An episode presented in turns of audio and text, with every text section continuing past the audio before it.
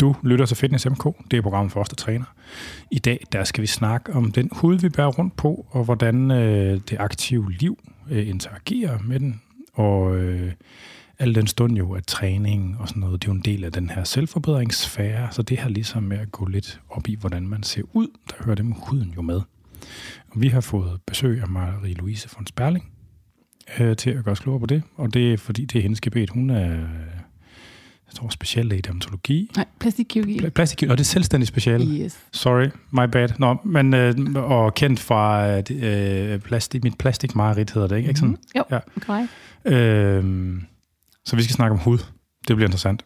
Så Fitness MK, der snakker vi om vores sports- og træningsliv, og øh, kropskultur og alt det her, og, øh, og man kan se, at, altså jeg, jeg sagde det jo lidt, det her med, at selvforbedring, ikke, som jo træning og fitness øh, kan være en del af på mange forskellige måder. Der er jo, der er jo mange, der gør det af delvis, øh, eller 100% æstetiske årsager, hvilket er okay. Øh, og det er jo sådan lidt, det er jo sådan lidt noget mærkeligt noget at have en totalt toptunet øh, Ferrari-maskine eller BMW-maskine indunder, hvis at, øh, ligesom hvis at det ikke er lakeret så pænt, eller hvad man skal sige. Så det, skal vi, det, det er der, vi skal hen i dag.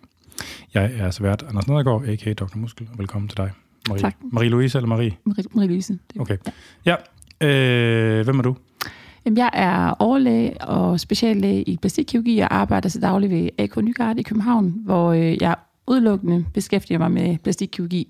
Og øh, når man laver plastikkirurgi, så laver man jo forbedringer på kroppens overflade.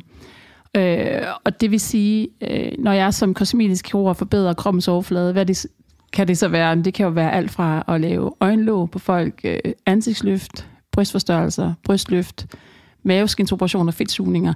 Så alt, hvad man ligesom kan se på kroppen, kan jeg gå ind og, og pille ved med kirurgien. Øh, men når man piller ved, med, altså som kirurg med kroppen, så er det jo også vigtigt, at det, man, kan man sige, piller i, er, er sundt. Og der er øh, huden jo et rigtig, rigtig vigtigt organ. Øh, så det er også noget, jeg forholder mig til øh, som kirurg, hvordan øh, folks hudkvalitet er. Og det er jo også noget, som mange spørger til øh, i en forbedring. Hvad kan jeg gøre ved min hud? Eller hvordan kan jeg se friskere ud?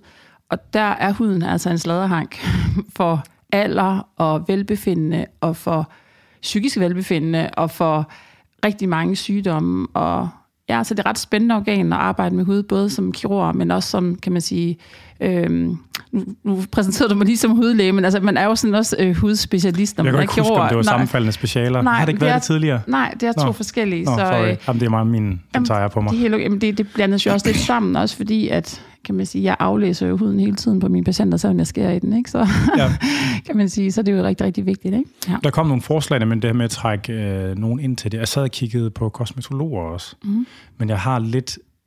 Øh, jeg har måske lidt nogle negative forestillinger, som i noget omfang bliver bekræftet af den research, man laver, når man begynder at kigge på kosmetologer, og det, som de siger om ting, fordi der er meget af det, som enten er i decideret konflikt med nogle ting, der står i den videnskabelige litteratur, eller som i hvert fald smager meget af sådan noget meget alternativt noget. Og, Ja. og det, øh, altså, jeg er med på, at der er enormt mange aspekter af det med hud, som ikke er undersøgt videnskabeligt. Og så det bliver sådan noget håndværksbaseret noget. Øh, men det, det, øh, så nu går vi, tager vi lige læge først, og så kan man se, om man kan finde en, der ligesom... Altså, det, er svært- det er svært at sortere i det der. Jeg, ved, ikke, jeg, tror, du, Øh, altså, du det- nikkede, da jeg sagde det. Jo, men det er jo svært at sortere i det, fordi øh, går du ud og søger på hud, så får du jo information fra alle, der har øh, interesse i hud, både at sælge hudprodukter og behandle hud, og, øh, og bare mening om hud. Øh, og, og huden er et komplekst organ, øh, og du må, man skal finde ud af, hvor man arbejder i huden, for at forstå huden. Arbejder ja. du i kan man sige, hudens bund, så at sige, eller arbejder du op på toppen, op ved de sidste tagsten, der er på taget, eller er du nede i kælderen og arbejder? Altså, så det har en stor betydning for, hvad, hvad du kan opnå med en hud. Øh, kosmetologer har sin plads i, i, øh, kan man sige, i hudpleje og i alting, og kan en masse ting, som handler om, kan man sige, at arbejde med de over, helt overfladiske hudlag, hvor øh, andre kan arbejde mere i dybden. Øh, så derfor skal man heller ikke sige, at kosmetologer ikke kan noget, for de kan noget i, kan man sige, i deres felt, men man skal bare som forbruger, som menneske, forstå, hvad man kan opnå med de forskellige ting, som man søger. Så hvis man for, formoder, at man får en fuldstændig ny hud ved at gå til kosmetolog nogle gange. Så må jeg bare skuffe folk og sige, det gør man ikke. Altså, hvis, altså, så det er sådan, så, men det kan være dejligt at gå til kosmetolog. Det er da skønt, at der er en, der renser ens hud og får den fugtet, og det der ved underligt. men altså, du kan bare ikke nå sådan så dybe liggende forandringer, at du får sådan en helt ny hud af at gå til kosmetolog. Det kan du altså ikke. Nej, nej. Men derfor kan det være vidunderligt alligevel, og rigtig godt og sundt for huden at blive plejet og renset og sådan noget, ikke? Jo, jo. Altså, en, en, en, en, et issue mere, jeg har med kosmetologer, og jeg får sikkert nogle flak og noget hug for dem. Det er også okay, jeg kan godt bære det. Det er jo også det der med, at, enormt, altså at, at selve det at sælge produkter er jo en relativt stor del af deres omsætning. Kæmpe og det del. gør, at jeg lidt kommer til at stille mig en lille smule skeptisk over for Ja. deres anprisninger. Ja, men det er jo også, altså, det er jo det, der er lidt svært i det her, fordi at jeg kan jo sidde over for en patient, og så kan hun fortælle mig, hvad hun har brugt af penge på diverse produkter. Og det kan være mange, Og det kan være, altså ikke bare mange, men vi snakker jo tusindvis af kroner om året. Øh, nogle gange og, om måneden. om måneden, øh, hvor jeg bare må sige, ved du, du er nødt til at stoppe med at ryge og tage sol, hvis du vil have en pæn hud. Ja. Og så, det er Velkommen til Vestegnen. Jamen, det, men det, det er bare, der er bare nogle helt basale ting, der skal være i orden, hvis man vil bevare en sund og smuk hud i mange år. Og Ja. derfor siger jeg, lad være med at bruge dyre produkter, hvis du tager meget sol, og hvis du ryger. Så de der produkter fuldstændig ligegyldige, de praller fuldstændig af på din hud. Ja. Okay? Altså, så, så det er meget firkantet. Så hvis folk kommer og siger, at jeg ryger, og jeg tager sol, så siger jeg, så det eneste, du skal gøre, det er egentlig bare, at hvis du ikke vil holde op med det, så skal du kun bruge en solcreme, for alt det andet det er fuldstændig ligegyldigt. Altså, Ja. du, du får intet ud af det, fordi de andre skader, du påfører dig selv, er så enorme i forhold til produkternes virkning, at altså, det er penge ud af vinduet. Ja. Og der bliver folk nogle gange sådan lidt, uh, really? Altså sådan, kan det nu være sandt? Ja, altså solen i sig selv er jo den vildeste skadelige ting, man kan gøre mod sin hud. Og, jeg, og det så siger folk, må jeg ikke gøre solen? Jo, det må du gerne. Du skal bare vide, hvad den gør ved dig.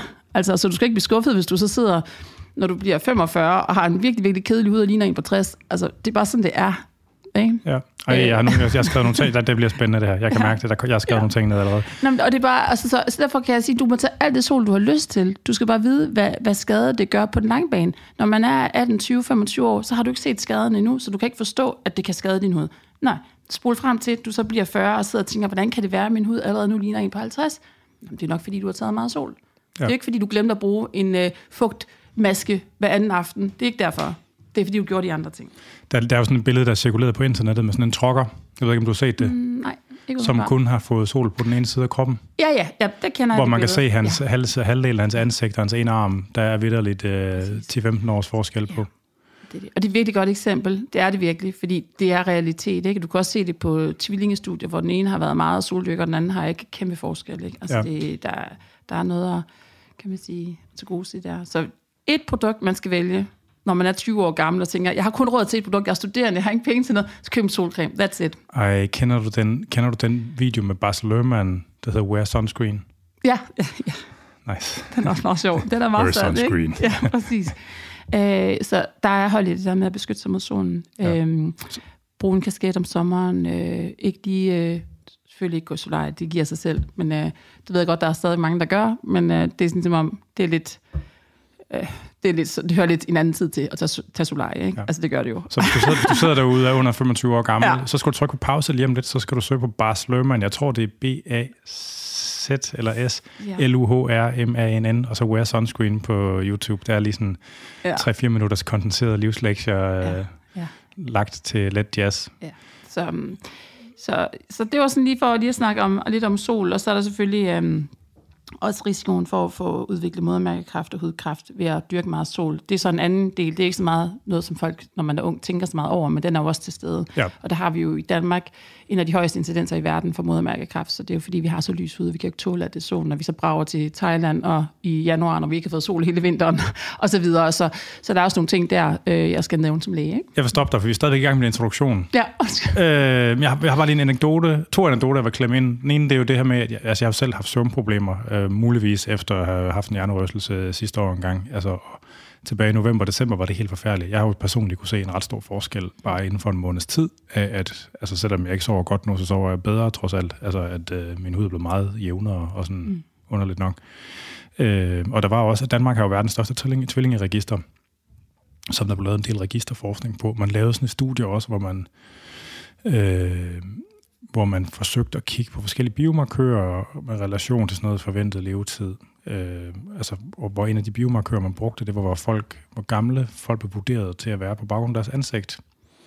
Hvor man ligesom fandt, at den her, den her altså, øh, hvad kan man sige, den, den vurderingen af den biologiske alder, øh, på, altså baseret på ansigt, ikke? at den, øh, det var faktisk en enormt stærk prædiktor for sådan noget dødelighed. Og, altså, så der er en, en, en ja. beviselig stærk mm. sammenhæng mm. imellem vores indre sundhed og det, mm. der ligesom sætter sig i ansigtet.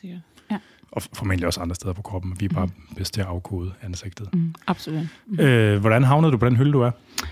Øh, det gjorde jeg, fordi at jeg som lille var sådan en, du ved, et barn, der sådan skar sig i fingrene og brækkede armen, og så jeg var tit på skadestuen. Og så kan jeg huske, at jeg var meget, meget fascineret af den her hvide verden, at man trådte ind på et hospital, og så tænkte man, hvordan ved de, hvad man skal gøre ved alle de her problemer, jeg kommer med? Og det synes jeg bare var helt fantastisk. Øh, og så havde jeg faktisk også sagt til min mor, at jeg skulle i hvert fald være læge, fordi det var sygeplejersken, der lavede det kedelige arbejde. De gav bare lægerne alle tingene. Så jeg har haft et eller andet øje for lægerne. Au, au, au, au. Ja, sygeplejersker de er meget vigtige, og jeg er meget afhængig af dem i dag. Men øh, dengang, der synes jeg, at jeg så mit øh, lys i at være læge. Så jeg voksede egentlig op med en tro på, at jeg skulle være læge, og så har jeg samtidig sådan en kunstnerisk nerve i mig, øh, fordi jeg også har en tibollefar, der er skansmaler, så jeg vidste også, at jeg skulle lave noget. Øh, Laurits Duxen. Ja. Øhm, så jeg vidste, at jeg var meget sådan æstetisk, øhm, ja, øh, passioneret øh, menneske, øh, og kunne lide øh, også at lave meget sådan kreative ting som barn. Så jeg skulle lave noget med mine hænder og noget med mit hoved. Og så tænkte jeg, og oh, der var plastikkirurgien jo rigtig god, fordi der skal man både være læge, og så skal man være kirurg, og god til at, at se ting og forme ting. Så det var den helt rigtige hylde for mig. Ja. Så du ja. vidste du, at det var den vej allerede, da du begyndte på Panum? Eller? Øh, ja, jeg, jeg havde en idé om, altså, at det skulle være, altså gerne plastikkirurgi, men var åben for alle former for kirurgi. Så jeg var også sådan inde med time noget tid, hvor jeg synes, det var vildt fascinerende, og øh, helt klart, men det var som om, det, svaret kom lidt af sig selv. Jeg kunne bare mærke, at jeg skulle bruge noget af det her med æstetikken, og noget med det med at selv at skabe noget, hvor man som time mere jo går ind og fjerner noget, reparerer noget, syr noget, som det er lidt mere personligt på en eller anden måde at lave plastikkirurgi, hvis det giver mening. altså, der er sådan lidt, at man har lidt mere sådan, øh, sin egen æstetik, der går ind over. Det synes jeg er ret fascinerende, at man sådan kan være håndværker og læge på en gang. Præg. Ja. Så, så hørte du den der historie, jeg tror, det var en amerikansk kirurg, der havde brændemærket sine initialer på sine patienters lever. Nå, ej, det har Og så var der nogle andre kirurger, der opdagede de der mærker, ikke? og okay. så fandt de ud af, sådan, hvad fuck er det her? Og så endte med, at han, han blev sanktioneret på en eller anden måde. Men, det lyder øh, vildt. Hmm. No. Ja. Han ja. satte også sit personlige ja, præg. Ja, det er klart. Det er også vigtigt at føle, at man ligesom skaber noget selv. Og sådan. Ja. Ja. ja. Så, så det er har derfor. Du, har du altid været sådan optaget sådan, ligesom af menneskers æstetik, mm. altså skønhed på den måde? Øh, ja, altså jeg har da været øh, optaget af også af andre former for skønhed end mennesker, altså kunst og god musik og billeder. Og, øh, ja, så jeg har da også gået på kunsthøjskole selv, fordi jeg... Ja. Så på den måde har, jeg det, har det fyldt meget af mit liv. Ja, Men var du en af dem, der smed meget krudt i masken som ung? Og, øh... Nej, nej, så det har jeg ikke været. Jeg har ikke været sådan en, øh, du ved, Nej, ikke andet end normal teenage øh, ungdoms... Øh, Make-up spejl med ja, præcis, ja. Så, ja. Okay. Øh, tak fordi du kom. Eller hvor gammel er du? Jeg er 42. Snart. 41 nu. Jeg er snart 42. Ja. Jeg har nogle spørgsmål til mm. det der med, med, med plastikmarit også, mm. men det, det kommer senere. Det kommer mm. senere. Øh, det er selvfølgelig Fitness MK, og det var introen. Øh, folk de skal være velkommen til at skrive ind med forslag til nye programmer eller spørgsmål til gamle eller nærværende, og det kan man gøre på afn eller på programmets Facebook-side eller Instagram.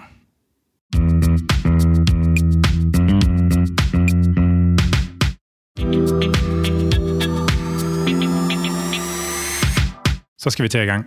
Ja, vi har tænkt at brække det op i øh, to ligesom dele, i hvert fald som minimum, hvor den ene handler om det her med, hvad man kan gøre for at passe på sin hud, og den anden del handler om det her med, hvordan træningslivet interagerer med, med huden. Øh, og jeg vil starte med at tage afsæt i det her med sol, som, altså, det kan godt være, det ser mm, pænt ud at være mørkere, eller det har jo varieret fra øh, tid til tid, om man synes, det var pænt at være bleg eller være mørk.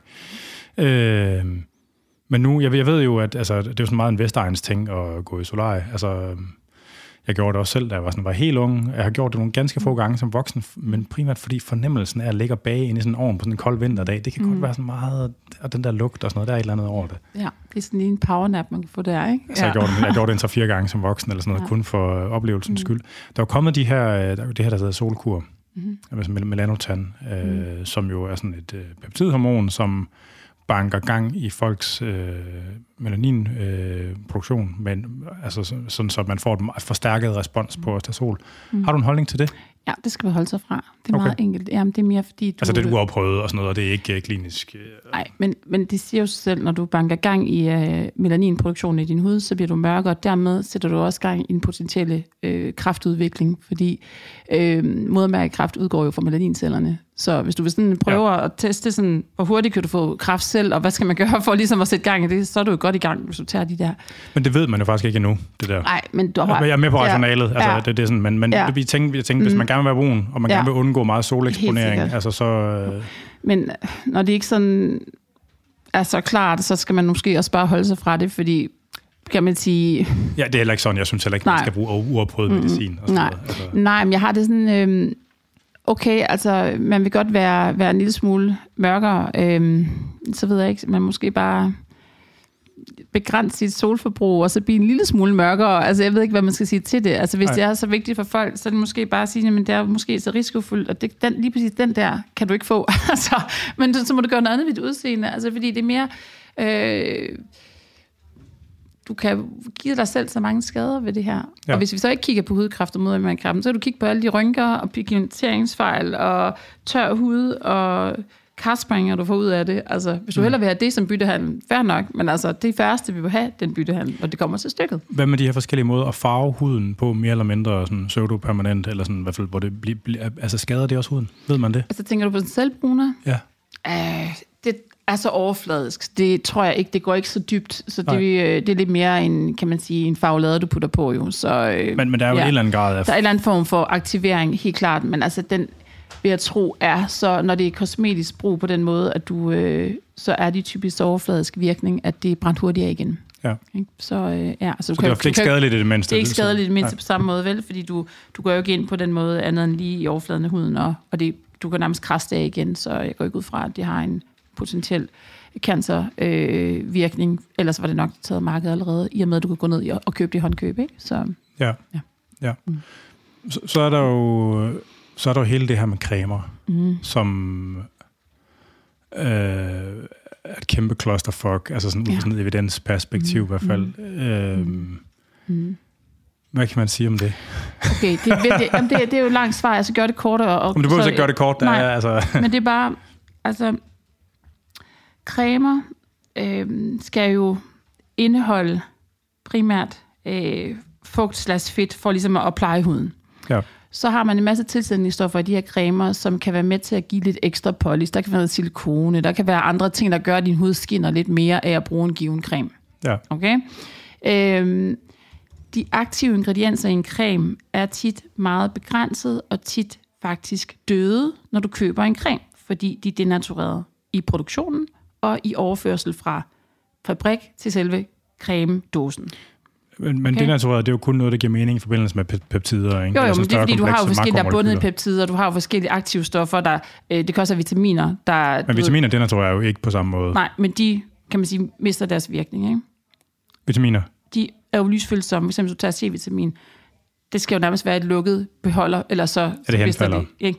Og der er jo mange cremer, du køber, som ikke er i lukket beholder, og som ikke er, du ved, som, når du åbner den, så er de jo nærmest forbrændt alle sammen. Ikke? Jo. Så nej, men det min point er bare, at meget af det, du tror, du køber, køber du ikke. Og det, du køber, er i så små øh, procenter, at det ikke har nogen virkning. Ja, det er du Ja. ja. Så når du køber noget i butikker, du bare går ind i, så er indholdsstofferne så små procenter, ellers og og, og så er virkningen meget lille. Hvis du skal have noget, der virkelig er kras, for så, meget, så er det jo på recept, så er det medicin, og det er noget helt andet jo. Der er indholdsstofferne jo meget højere, og der kan de faktisk gå ind og arbejde mere, kan man sige, man sådan skal skille det helt op. Så har du så en, en mellemting af produkter, som helt klart har nogle aktive ingredienser, som også er, du ved, derhen af at være snart medicinske, men det er jo de færreste, der lyder til Men hvad for nogle ting tænker du vil gøre en forskel, hvis det var ikke var underdoseret? Altså af indholdsstoffer? Ja. Noget som A-vitamin, Hvorfor? Fordi A-vitamin går ind og accelererer hudfornyelse i huden. Så du har nogle enkelte ting, man kan sige, det der giver rigtig god mening at putte i nogle cremer og gå den vej. Så har du øh, forskellige, øh, du ved, frugtsyre, som kan gå ind og rense og så videre. Så du har Hvad er det sådan noget malonsyre eller Øh, det er sådan noget øh, jamen, AHA og A, øh, altså BHA, nogle forskellige acetylsalicylsyre og så videre. Der er også nogle... Øh, der, der Men, er øh, men forskellige... salicylater, de brænder ligesom noget huden af, gør de ikke? Jo, der kan man sige, det er sådan en, en slags peeling, de laver i huden. Ikke? Så Ja. de øh, går ind ligesom og renser og piler huden. Øhm, men min, og jeg skal nok vende tilbage på indholdsstofferne, men man kan så sige, min pointe var bare, hvis du går ned og køber en helt simpel creme, Ja. så er den typisk også meget simpel. Ikke? Altså, Ja, ja. Og så er virkningen også deraf, øh, hvis du køber nogle cremer, f.eks. med A-vitamin og andre, øh, kan man sige, med højere indholdsstoffer og koncentrationer, bliver de mere og mere aktive, og går du ind og får noget på recept, så er det klart, så er det medicin, så er det jo aktivt. Ja, ja, ja. Okay? Så man skal bare ligesom finde ud af, hvad er der i mine cremer, hvad forventer jeg, og hvad kan de gøre? Ja. Ja. Det er klart, hvis du, igen, som jeg startede med at sige i vores intro, skal vælge en creme, så vælger du solcremen. Ja. Godt. Har du flere penge og mere mod på mere, kan du gå ned og så vælge cremer med eksempel A-vitamin. Øh, hvis du har øh, lidt uren hud, så vælg noget med acetylsalicylsyre, øh, forskellige, øh, altså pile din hud, rens din hud. Så der er sådan, man skal også finde ud af, hvad for en hud man har, hvad for et behov man har. Øh, Okay. ja, ja, øh, peeling, okay. Det kommer jo, ja, det ved jeg ikke. Jamen lad os bare tage det nu. Mhm. Mm-hmm. Altså fordi det, det salicylater, de øh, laver en eller anden form for kemisk ting, der ligesom brænder Mhm. mm-hmm. noget af huden af. Hvorfor er det en god ting? Det er en god ting, fordi der er du med til at fjerne døde hudceller. Du er med til at fjerne, øh, kan man sige, øh, hudens, øh, kan man sige, så sidder lidt talrester og så videre, så du får ligesom renset hudoverfladen af. Ja, men så- altså den, ja. den yderste lag af døde hudceller tjener også et formål. Det er jo beskyttende, ikke? Det er beskyttende, men de er jo også øh, blokerende, kan man sige. Ja, Ikke? Så en, en sund hudoverflade er jo en overflade i, i balance, i vækst, i afstødning af gamle ting og, og, og modtagelse af nye ting. Så hudcellerne de vokser jo som i lag op, og så fire uger efter, buff, så skal de af overfladen, så kommer der nye hudceller op. Så du skal jo hele tiden sørge for, at kan man sige, overfladen er klar til de nye hudceller, fordi de nye hudceller de er pænere end de gamle. øges hastigheden, altså øges turnover i huden, når man piler mekanisk Mm. Når du, eller kemisk. ja, med, med A-vitamin. A-vitamin sætter jo gang i den her øh, turnover, så den accelererer jo hudfornyelsen. Og det er derfor, den er ret genial at bruge sådan A-vitamin, fordi den virkelig får sat skub i, nu skal vi have nogle masser af nye hudceller op til overfladen, så de bliver pænere og pænere, ikke? Ja. Ja. Mm. Ja. Okay? At, øh, sådan noget som Bote Pacific, mm. er det, i, det er også A-vitamin, Ja, de har nogle A-vitaminindhold. Jeg er ikke helt skarp på øh, koncentrationer, men ja, de er gået den vej, netop fordi man vil Men- ind og, og lave en ny hud, ikke? Men de startede jo med at lave sådan noget, hvor det handlede om delivery af ingredienser til dybde i huden og sådan Mm. noget. Og sådan noget. Mm. Det, jeg stødte bare på nogle artikler, nemlig mm. nogle, ikke at der skal være nogen anprisning i øvrigt. Altså, Mm. øh, hvor- hvordan ved man, hvordan er det der A-vitamin noget, det virker? Det ved du ved, at øh, man skal bruge det Nå, men altså sådan rent ja. Ja. mekanistisk, ikke øh, praktisk, eller man kan sige. Ved man, hvad for en sådan en, en, en altså hvad det er, de tænder? Jamen, de tænder jo... Jamen, de vil bare selve hudcellens... Øh, altså omsætningen af hudcellen, hvor hurtigt den bliver dannet, og hvor hurtigt den dør, kan man sige, ikke? Ja, ja. Så flere af dem, og man skal jo se huden som... Øh, altså, ens hudoverflade skal du faktisk se som sådan et tag med tagsten, ikke? Jo mere øh, lige tagsten ligger ordentligt, jo flottere er overfladen. Ja, Så det er det, man gerne vil med en flot hud. En flot hud med, med, med en flot overflade giver jo bedre genskin på det lys, der falder ind. Ja. Derved ser den sundere ud. Så har du en hud fuld af gamle hudceller med akne og aknear og tørhed, og så har du rynker, og så har du, så du har en masse krypter, kan man sige, der, gør, der giver en masse skyggedannelse også, og ujævnhed. Den Ja. ser mær- eller ikke mærkelig ud. Den ser i hvert fald ikke så frisk ud som den anden. nej, nej. Så det er det, man arbejder på, når du snakker på en flot hudkvalitet og overflade, det er at skabe så jævn hud som muligt, så jævn farve som muligt, øhm, overflade, og så kan man sige vitalitet, og den kommer altså af det her genskin, når du ser et andet menneske. Hun så frisk ud. Hvorfor gjorde hun det? Det var typisk, fordi huden ligesom havde en jævn overflade, der havde en udstråling, og det har den, når den ikke har alle de her udfordringer med, øh, med, med skygger og alt sådan noget, ikke? Ja. Så er der noget, altså fordi det vi snakker om nu, det er jo sådan mm. de aller yderste, mm. altså hvad, Mm. 2-3 millimeter Ja, eller ja sådan helt noget. yderst, ja. Øhm, når man sådan, i litteraturen, der ser man jo nogle gange, at man bruger sådan en biomarkør, hvor man måler ligesom mængden af væske i huden, hvor man har så forskellige trykdutter, man kan bruge til at se. At det må jo så være ligesom øh, involvere et dybere lag, fordi ja, det er der er du begrænset. lidt mere i, nede i, sådan i, i begyndende lederhud, ikke? hvor du sådan, øh, sådan, det er et hud, du sådan kan nærmest tage fat i, ikke? Øh, og så nede i det. Fordi det, det der helt epidermis, som vi snakker om, det helt yderste, det kan du ikke på samme måde tage fat i. Nej, nej, Når du nej. siger huden, så, så er du længere nede end det. Ja. Ja. Mm. Altså fordi det er ligesom med, at hvis, man, det, hvis det bliver trykket en lille smule ud, ligesom, mm. altså, det er med til at gøre det jævnere også. Mm. Præcis. Og, og i, er det en ting i de her ingredienser også? Altså, det er jo begrænset, hvor meget stilas noget, du smører på, kan give. Ja, Fordi stilaset, det er jo alle vores, kan man sige, øh, ja, bindevæv i huden og de underliggende fedtlag.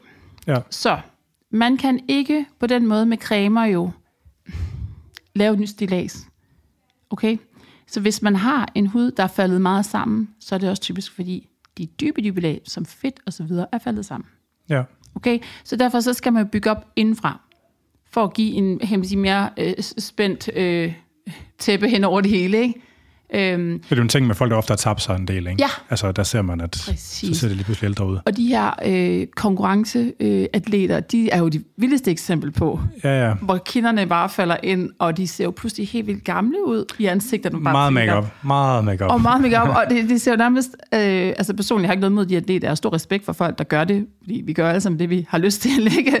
Men jeg kan nærmest synes, det ser helt farligt ud, når man tænker, at de der ansigter, der bare fuldstændig faldet sammen. Også fordi jeg føler sådan, gud, du har taget alt det gode, fordi jeg arbejder jo tit med at bygge ansigter op, og øh, alt sådan noget, så tænker jeg, gud, du har fjernet alt dit fedt. Ej, det det sætter... Ja. Det Ja. ja. kan jo lidt ondt i mit, i mit det kommer hjerte. tilbage.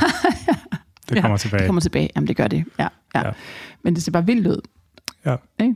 Men altså, man er sådan, ligesom, ligesom at man kan få, hvad ved jeg, man kan få et bistik, der giver hævelse, så mm. at, skulle det ikke være så svært at forestille sig, at der kunne være ingredienser, der ligesom lokalt øger... Ja, men der er vi jo ude i de her øh, fillers, som jo er meget populære, hyaluronsyre, Restylane osv. De går jo ind og giver hyaluronsyre, det er jo en fugtbinder i huden. Den har vi jo naturligt i vores øjeæbler, i vores knæled, alle steder i huden. Ja, ja, ja. Hyaluronsyre kan man så få på sprøjte, og det er det, der hedder filler, og som man lægger ind i folks læber, kindben, alle de her steder, hvor de netop synes, de mangler fylde fugt.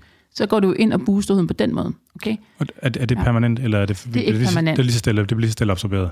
I gamle dage brugte man permanent filler. Det gør man ikke længere, fordi permanent filler giver permanente problemer. Okay, nu bruger man ikke permanent filler. Så alt det, der bliver lagt ind, forsvinder med tiden. Der er så nogen, skal siges, der bruger så meget ikke permanent filler, at det nærmest ender med at blive permanent. Så det de er får sådan en anden sådan en historie. kapsling, et rum, De eller får hvad? en indkapsling, de får arvæv omkring den her filler, der gør, at det ser meget pumpet ud, og det ser meget hårdt ud. Så får man det der Amager-look. Så derfor skal man passe på, hvis man går ind i den her verden, hvis man gerne vil prøve fillers, det er less is more. Og det, sådan er det bare.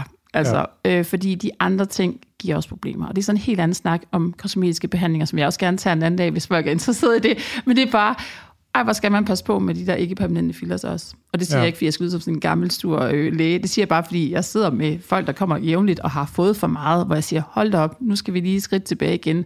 Øh, ro, ro på, ikke? Ja. Øh, men de har sin plads, og de er rigtig, rigtig gode til de rette indikationer, kan man sige. Men en filler gør det, som vi snakker om, bygger op der, hvor du mangler noget pump i huden, kan man sige. Ikke? Ja. Ja. Så, ja. Men, så men, men, men, kan, men er der noget, man kan gøre med, altså, med udvortes brug der? ikke rigtigt. Jeg så en gang, jeg så en video af sådan en, øh, en dame, som havde meget, meget sådan, øh, hængehud omkring øjnene, som mm. smurte sådan en creme på, hvor altså, man i real time inden for få minutter kunne se, at det ja, forsvandt. det er fordi, den skaber ødem jo. Ja, ja, ja men det er jo det, jeg mener. Altså, Ja, øh, og jeg kan godt huske, de var de hittede meget for en 7-8 år siden eller sådan noget, og alle kommer og spurgte mig, den der creme, og så siger jeg, jo, du kan da godt, hvis du skal i byen, tag den på nu, læg mig op, gå i byen, og så nyd det. Ikke? Ja. Men det er jo næste morgen, er det jo brændt af, fordi den er skabt, jeg kan ikke huske, hvad der var i den der creme, men den har jo en irriterende Ja, ja, ja, effekt i huden, der gør, at du får det her ødem. om det kan være en histaminknald. Eller, Præcis. Altså, Og ødem, det er, hvis der ikke ved, hvad ødem betyder, så er det jo, at man trækker væske til. Ja. Så derfor, når du trækker væske til et sted, hvor der er rynker, så bliver det pumpet op, og så ligner det, at du ikke har rynker. ja.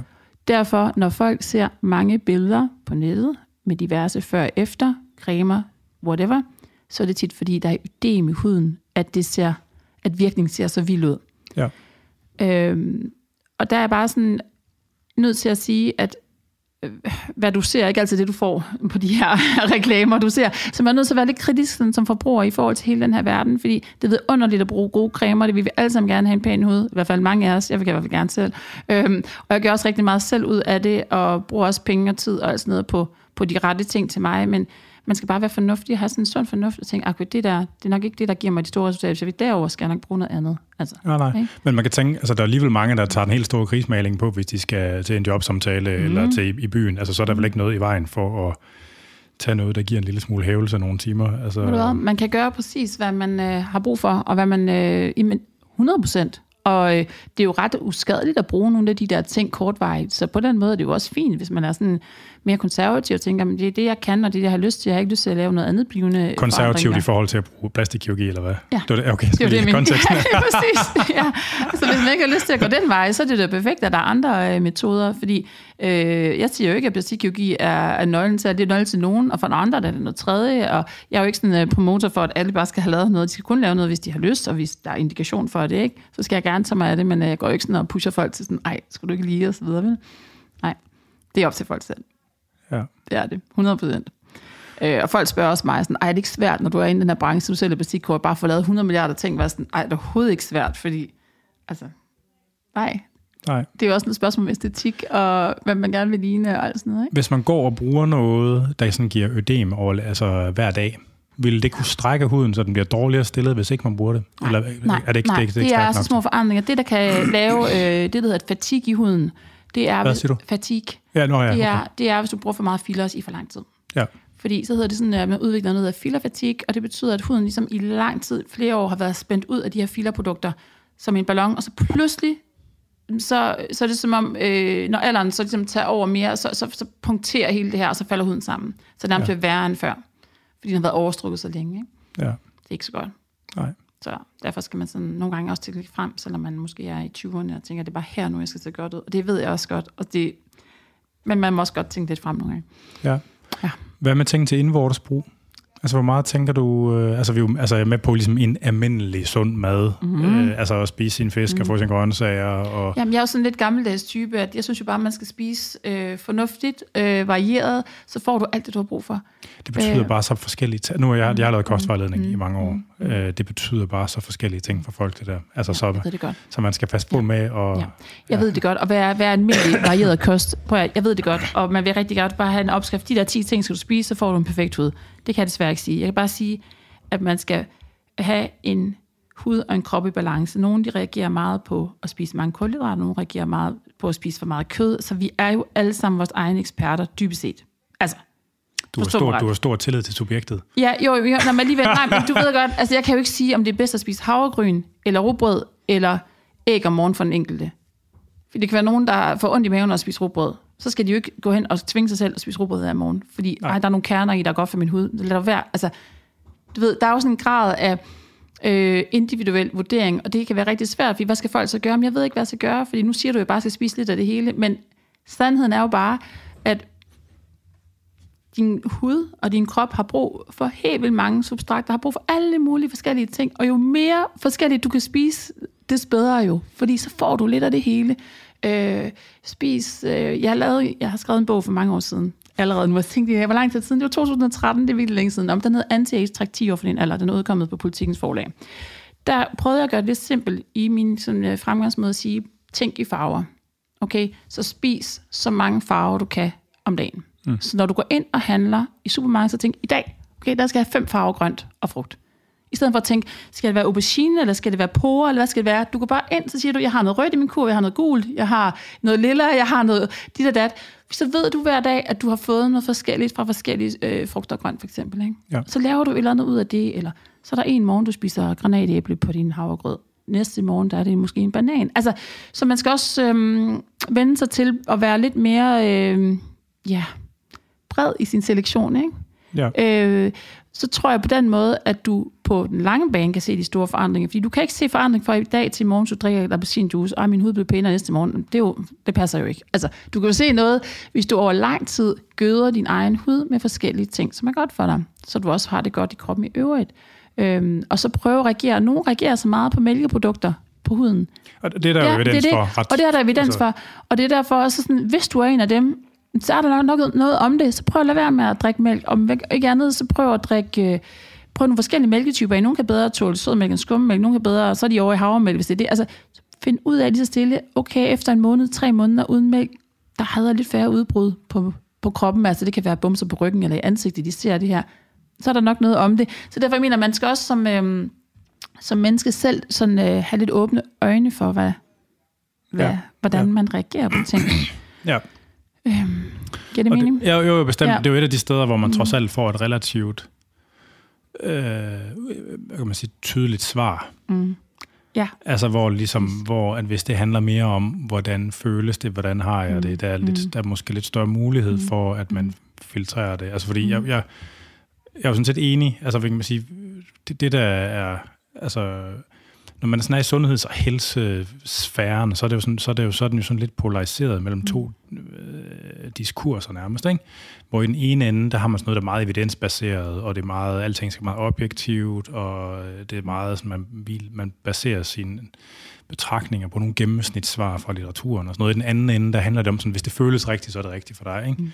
Og, og det, er jo, det er jo kompliceret, fordi der er, også, der er også relativt stærk evidens for, at det er enormt mange af de der ting, som folk føler, når man blindtester dem, når man, altså med challenges, ikke, så, så, så ser man rigtig tit, at, at øh, hvad kan man sige, øh, sensitiviteten og specificiteten af, hvad folk føler, den er ofte ikke vildt god.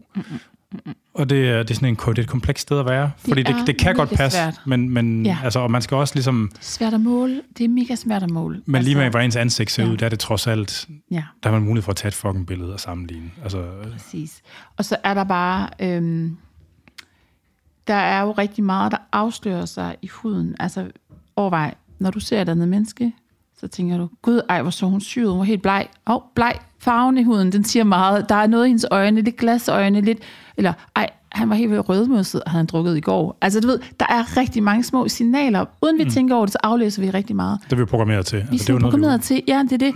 Øh, er der far på færre her, ikke? Når vi aflæser andre, øh, eller sådan, når du går ned af, af gaden, så kan du godt se på lang afstand, er vedkommende 25 eller 55. Og det har noget at gøre med, igen, komposition i ansigtet af, du ved, proportioner med, også med hvor meget fedt man har i ansigtet osv. Så, ikke? så der ligger rigtig meget i det. Øhm, og derfor er det også rigtig spændende sådan at, at måske gå lidt ind i. Man skal bare finde ud af, hvad for nogle hylder man, man tager fra, hvad er man vil opnå. Så det er bare, lad være med at øh, gøre dig halvt fattig af at købe øh, øjencremer, hvis det, du har brug for, er at få fjernet hud på din øvre øjenlåg.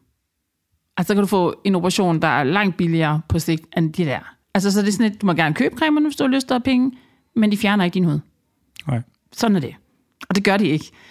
Du kan ikke købe noget hud, eller noget, øh, noget creme, som opstrammer din kan man sige, kæbelinje eller hals, eller det kan du ikke. Altså, du kan noget, der... Brug det der tape. ja, ja, ja. Men det er bare sådan, så, så det er mere den der med, hvad man søger, hvad man regner med at opnå. Og der er bare tilbage til det der start igen pas på din hud over tid, sørg for at bruge en solcreme. Ja. ikke? Øh, og så fugte og rense og så videre. Alle de andre ting også, men det er altså de andre ting, der er vigtigere. Det er ja. det. Mm. Nu er det de fleste, der lytter her, eller to tredjedel eller tre fjerdedel, det er nok mænd. Men mm. altså, det, de skal det, også bruge den. Ja, men, men øh, ja, bevares. Øh, øh, men det her med make-up, mm. altså, det er svært for mig at forestille andet end make-up, det netto må, må gøre en eller anden grad noget skidt for huden over tid det kommer lidt an på, hvilken makeup det er. Det er klart, øh, for meget makeup kan jo godt udtørre din hud og så videre, men altså hvis du bruger gode, god makeup med mineraler i, og, som egentlig, og vasker den hver aften, så kan huden sagtens klare det. Du må tænke på, vores hudbarriere er jo ekstremt stærk. Ja. Du kan sådan set få benzin på fingrene, skynde dig og vaske dem, og så sker der ikke noget ved det. Mm. Forstår mig ret? Altså, du har jo en ekstremt stærk hudbarriere, så der er også meget, der ikke trænger ind i huden med mindre det er meget kraftigt. Når man ligesom, at den er, er i en eller anden grad er blokeret i forhold til, hvis der ikke ligger noget ovenpå. Og, ja. Altså sådan. ja, helt klart. Jeg forstår godt, hvad du mener, men der er det nok mere sådan her nu effekter med, ej, du har lidt tør hud over tid, hvis du bruger for meget makeup der ja. kan man sige, lukker for meget til, at du ikke får det renset af. Altså ja. hvis du hver aften får renset alt af, grundigt, ligger noget fugtcreme på og går i seng, så tror jeg, at din hud har det fint med at bruge makeup hver dag. Altså. Ja, mm, okay. Det er klart, ja. For jeg tænker jo lidt, altså man kan sige, nogle af dem, altså jeg mm. tror, hvad kan man sige, en del af, af det er vel også, at, hud, at makeup grundlæggende er hudfarvet. Altså tror mm. du, man får vasket det hele ud, når man tænker på, hvor dybe porer er? Og sådan Jamen noget? der skal altså... folk jo tjekke med deres, øh, du ved, øh, håndklæder, hvis så kan de tage noget skin tonic på på et vat til sidst. Hvis det stadigvæk er brun, så er der stadig noget tilbage, så må de rense en gang til. Så må ja, de bruge okay. to gange i rens, ikke? Og jeg tænker lidt, øh, altså når man tænker på de der mænd, der mm, har sådan beskidte mm, jobs, hvor man har støvet ja. erhverv, hvor, hvor det sidder i huden, ikke? hvor det kommer til over tid. Ikke? Spørgsmålet er, om der ikke altid sidder noget i huden, men man er bare heldig med, at det er hudfarvet, og så... Jo, altså jo, jeg tror, hvis man renser godt, så kan man sagtens uh, rense ordentligt i bund hver dag. Det kan man altså godt.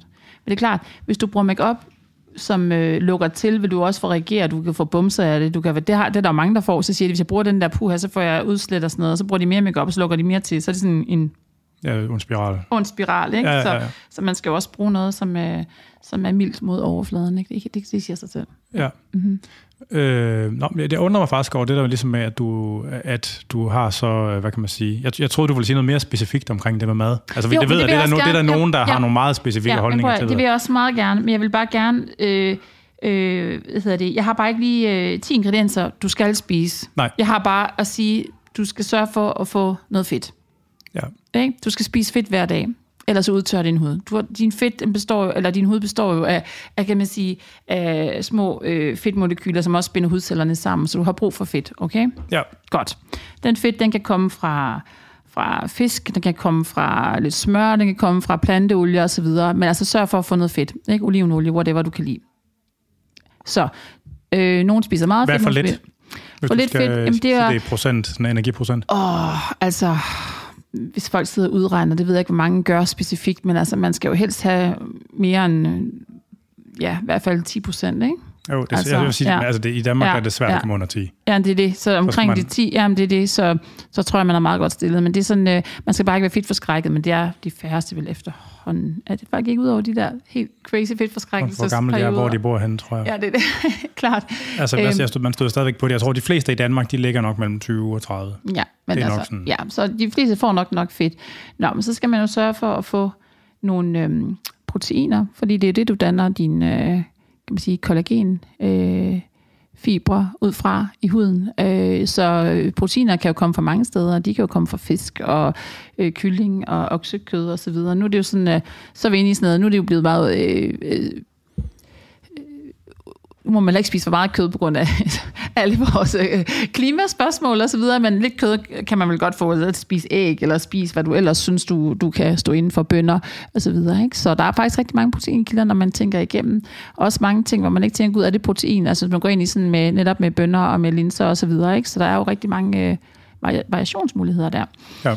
Øh, så skal man jo spise øh, gerne nogle, nogle grove øh, kulhydrater, som øh, altså, ja, havregryn, øh, boghvede, whatever du kan lide at lave grød ud fra, øh, rugbrød, hvad du nu kan lide at spise. Ikke? Øh, og så bare det her frugt og grønt, som du kan få i alle mulige øh, variationer. Hvis du er en, der bare kan lide at drikke smoothie, så gør det, i stedet for ikke at gøre det. Altså alt er jo bedre end nul. Ikke? Ja, Så ja. derfor har jeg det også fint med folk, de køber de her færdiglavede juice nogle gange, men det er jo bedre end ingenting. Altså, for det du kan, og lad være med at have dårlig samvittighed. Hvis det er Ja. det, der fungerer for dig, så få det, og så er det det, altså det, du har gjort. Skam, Øhm, det sætter sig også i ansigtet. Jamen det gør den lidt, og så bliver det også bare sådan en uh, ulykkelig uh, chase efter noget, som, åh, oh, nu gør jeg det aldrig godt nok, og nu fik jeg ikke spist syv grøntsager i dag. Nej, nu bliver min hud grim i morgen, og det gør den ikke. Altså det er sådan, øh, så igen, du kan godt se, at jeg er tilbage til det, det er også ret varieret kost, jeg bare sidder og snakker om, du skal spise. Jeg vil bare hellere have, at du bruger penge på rigtig mad, god mad, god kvalitet, end at gå ud og købe dig fat i, i produkter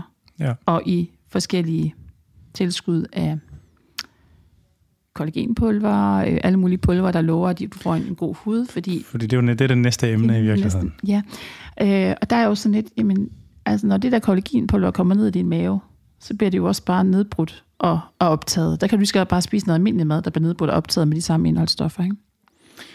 Altså, der, fordi der er jo noget evidence på det. Øh, Ja, men altså... Ja, det, det, der er det, ja. det der er udfordringen Mm, ved mm. det, det er, at det der er lavet, det er lavet på branded ingredienser. Mm. Altså ingredienser, som der er øh, IP-beskyttet, som der ligesom er nogen, der har opskriften på. Mm. Mm.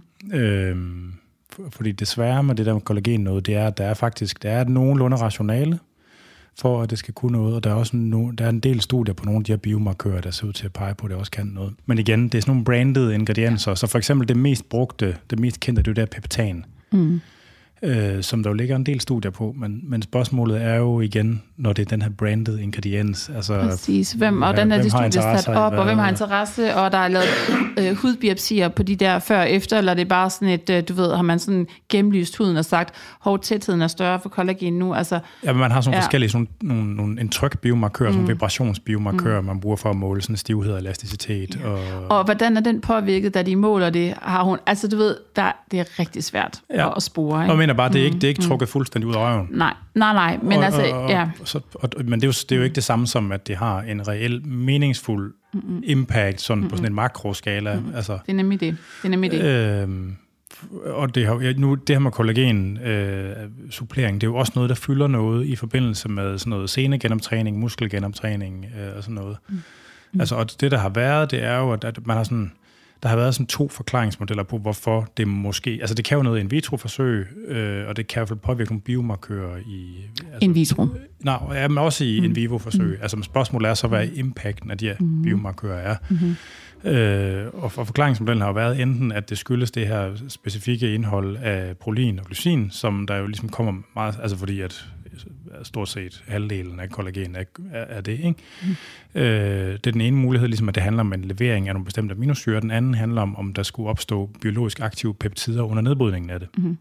Øh, fordi det ved man, det er en ting, altså inden for sådan noget ekstracellulær matrix øh, processering i forvejen, at når vi nedbryder de forskellige kollagentyper, så, så, så bliver det jo klippet i stykker, så opstår der nogle peptider, og man ved, kan man kender en masse eksempler på, at de her kollagenpeptider og andre øh, proteiner fra den ekstracellulære matrix, at når de bliver kløvet, så opstår der de her øh, peptider, som simpelthen har, som simpelthen, øh, har en, en signalfunktion. De har simpelthen mm. nogle receptorer, de interagerer med. Ikke? Og, og, og det, og de kan i princippet være i spil, og man kan se, det påvirker nogle biomarkører, men igen, det er svært at vide, hvad den ja. reelle impact er. Ja, det er det. Øh, men altså igen, hvis man... Jeg er bare det gammeldags på det der, Anders, fordi der er så meget andet at tage fat i, der ja. ikke koster penge. Og ja, ja. ikke kræver særlig meget. Så det er sådan nogle gange, så er også den der med, øh, jeg ved godt, det er svært, fordi det er krævende for den enkelte at se sig selv i spejlet og se, er der noget her, jeg kan ændre, er der noget, jeg skal gøre? Men det er noget at gøre selv, og det er derfor, at sige, at du vinder meget ved at gøre de ting. Og så ja. hvis du har masser af penge, og du synes, det er sjovt at stå og putte pulver ned i et glas, og så sige, nu drikker jeg kollagen, så skal du være velkommen til at gøre det. Og hvis det så har en lille effekt, er det jo fantastisk. Det er bare ikke der, du gør de store revolutionerende ting for din hud. Nej. Den gør du i din adfærd i øvrigt.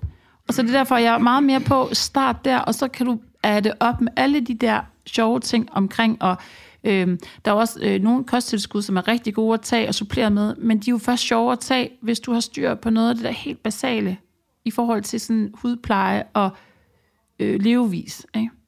Og det lyder jo lidt kedeligt, men det er bare sandheden. Altså, jo, jeg, jeg, jeg, jeg, jeg, jeg er ikke uenig i det. Ja. Ikke? Altså, det er jo det, man, hvad, hvad for nogle knapper er de største ja. og vigtigste så, knapper at skrue på? Så knap 1, nu har vi været snakket om solcreme, jeg nævner den gerne igen, fordi den er virkelig vigtig. Både mænd og kvinder, også mænd, og de har det med at sige, at de bruger det kun, hvis de er i Thailand og sådan noget. Jeg er bare sådan, ah nej. Man kan lige så godt vende sig til, faktisk året rundt, og ens dagcreme, det er en solcreme. Både mænd og kvinder, også om vinteren. Dagcreme. ja, præcis. Det får du købt til dig selv her som forsinket julegave, ikke? Øhm, Øh, fordi det giver noget fugt i huden, og du får den her solbeskyttelse, og så allerede der, der er du foran dig selv, ikke? i forhold til, til hudældning. Altså, ja, ja. godt. Øh, så har vi snakket lidt om varieret kost, og det mener jeg virkelig. Lidt af det hele. Spis så meget forskelligt, du overhovedet kan, og selvfølgelig øh, reguleret. Hvis man så har øh, selve sådan, øh, mængder og sådan noget, det vil jeg ikke gå ind i, fordi det er jo noget, som handler om nogle helt andre ting. Ikke? Men altså, nu snakker jeg bare om ingredienser. Ikke? Øh, øh, og så selvfølgelig øh, søvn gør jo rigtig meget, det nævnte du selv i introen, ikke? Altså søvn gør jo rigtig meget for ens øh, hud, mm, hvad kan man sige, hudvitalitet øh, på daglig basis, det ved vi jo selv. Ej, hvor kan man se træt ud, hvis man ikke har sovet nok, ikke? Hvorfor gør mm-hmm. man mhm. det? Det er fordi, man pludselig har sådan lidt, huden føles den er klasket sammen, man har render under øjnene osv. Så, så, så huden reparerer jo også sig selv om natten, ligesom hele kroppen gør. Så det er jo også et organ, som sagt, ligesom der har brug for hvile, og som har brug for at komme sig efter dagens strabasser, og det gør den jo også om natten. Så det, øh, det har jo også en, en kan man sige, man kan se sig selv i spejlet næste morgen og tænke, ej, hvor ser jeg frisk ud. Og det er jo mange ting, der gør det, også huden, hvordan den stråler, ikke? Ja. Så det er sådan, øh, der, og det mener jeg, det er jo noget, du kan gøre noget ved selv hver dag. Tænk på, hvordan du sover, tænk på, hvad du spiser, pas på det der med solen. Der er du kommet rigtig, rigtig langt. Og så er den her med vores ældning, tiden går jo for os alle, øh, men den ældning kan du ligesom gå i møde med de her ting, som jeg så nævner. Og så er der også noget med jamen, hvordan så din mors hud ud, da hun blev ældre? Hvordan så din fars hud ud? Hvad for en hudkvalitet er vi født med? For det har rigtig, rigtig meget at sige genetisk, hvilken hud man har. Ikke? Altså, det har det virkelig. Ja. Øhm, og så den her med på den lange bane, hvor meget øh, alkohol drikker man egentlig over tid, ikke? Ja. Hvor meget ryger man, hvis man ryger? Jeg tror, er der, mange, der er mange unge, der ryger i dag. Der er også selvfølgelig ældre, der ryger, men rygning er jo bare... Nu det snus.